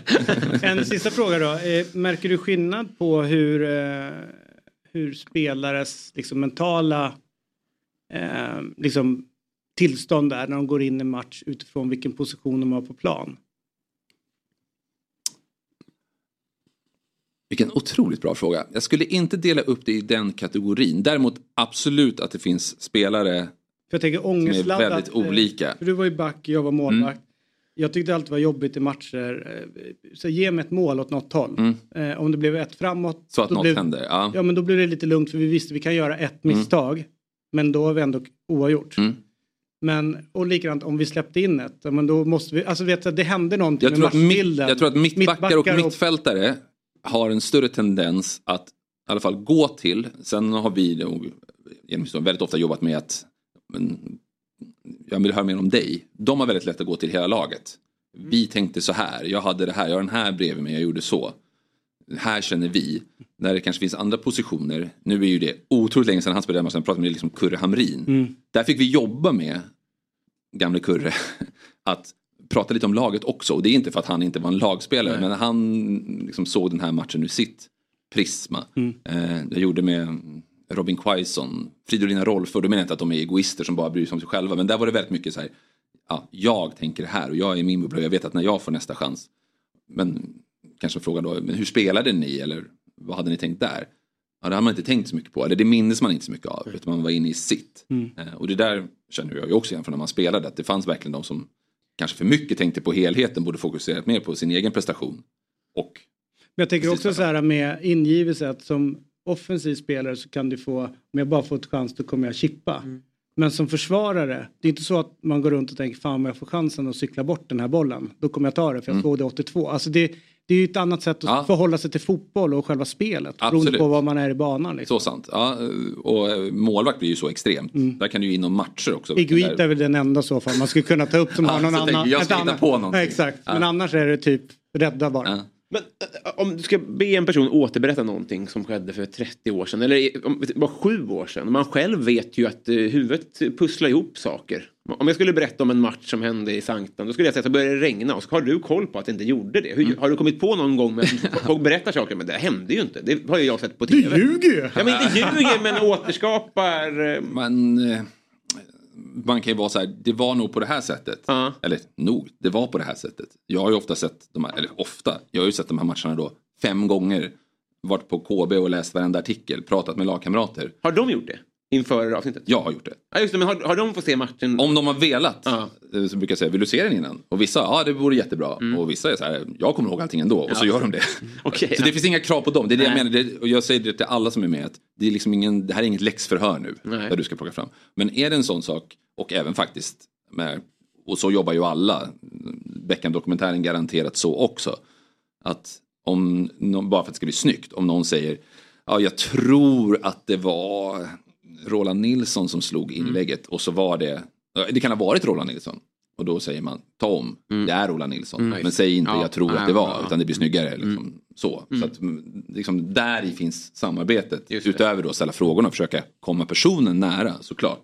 Men att också ja, men, berätta det här tillsammans. Mm. Eh, då. Håller Granen den här matchen som nummer ett eller känner han att han har någon annan från mästerskapet? Nej, det här var överlägset för honom. Och, och absolut så också, det, det är en intressant del av storyn. Alltså, han är lagkapten i, i svenska herrlandslaget, han är högt upp. Men särskilt i dessa dagar höll jag på att säga, både vad gäller landslaget och kanske liksom Andreas Granqvist som har lagt av och de Ja. sista åren blev inte lyckade Nej. på samma sätt.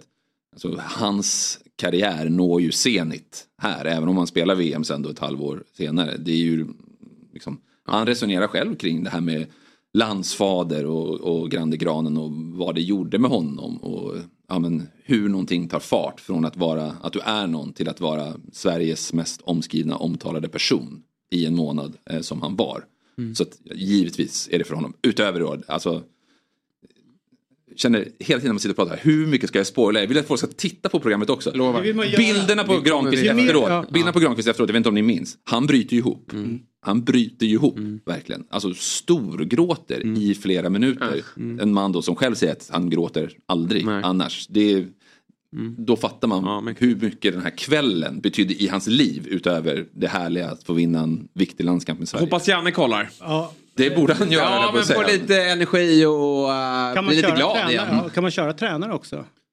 Ja, det, jag har gjort ljudmatcher med Sven-Göran Eriksson om 5-1 på, i München Mm. till exempel. Eh, Det var en, där var jag, det är en rolig grej. Sven-Göran Eriksson som jag, när jag spelade in den här matchen, han hade ju förberett sig. Alltså han hade sett matchen två gånger, kom med kompendium med egna anteckningar Ah. om matchen. Liksom. Så att det, apropå stora kvällar i ens liv så var ju Ja. det från. Det var häftigt. Steven Gerrard, det målet. Mm. Vad är det från 25? Ja, något sånt. Gerards första eh, mål i landslaget. Mm. Gör han i den. Och jag tror Svennis berättade att han hade, det är också lite härligt med Svennis, han hade ändå varit förbundskapten några månader när Tord Grip kommer och säger det är en kille i Liverpool som är bra. Ja, vem då? Gerard? Gerard? Men det- Han visste inte vem han var. Eh, Svennis hade några legendariska, eh, han, också när han skulle försvara Wayne Rooneys uttag, eh, att han plockades med till ett VM-slutspel. Och liksom du vet hur de sitter och bara skriker allihopa. Och Svennis sitter liksom, ser allmänt liksom förvånad ut varpå han säger Wine, very good football player. Ja. Scored twice. du vet så här, då är det dött. Mm. Han är bra, han har gjort två mål, vi går vidare. Eh, och folk bara, vem är den här gubben som sitter där uppe? Liksom som inte hugger tillbaka utan bara... Nej, det var ju avväpnande på det Ja, ja. sättet med Svennis. Och värmländskan, Mm. wine. ja, imorgon så är jag tillbaka tillsammans med mannen från eh, Fryken och Elsa Alm är här. Det var det hela. Trevligt. Jesper. Tack Robin. Själv du. Och eh, ja, men kom tillbaks ofta. Eh, släpp mer program så du kan komma hit oftare. Ja, det är en bra deal. Kan vi säga en gång i veckan, för program varje helg. precis, det är Vi nästa- kan- det blir nästa perfekt. tisdag, jag och Glenn exakt. kommer. Varje Ja. tisdag. Ja, det vore fan. Mycket trevligt. De köra matchen här. Ja, en match med. Ja. 2.0. Du skulle kunna ha med en supporter också i, i Ja, just det. som ett inslag. Lövar av sig här och har snack om avsnitten. Precis. Ja, det vore sig som vi gör med Robinson, eller som du gör med Robinson. Ja, just det. Ja. Igen är vi igång med idéspånar. Ja, ja, ja. Live on tape Men nu va? måste vi säga hej då! Hej då! Fotbollsmorgon presenteras i samarbete med Oddset, betting online och i butik. EA Sports, FC 24.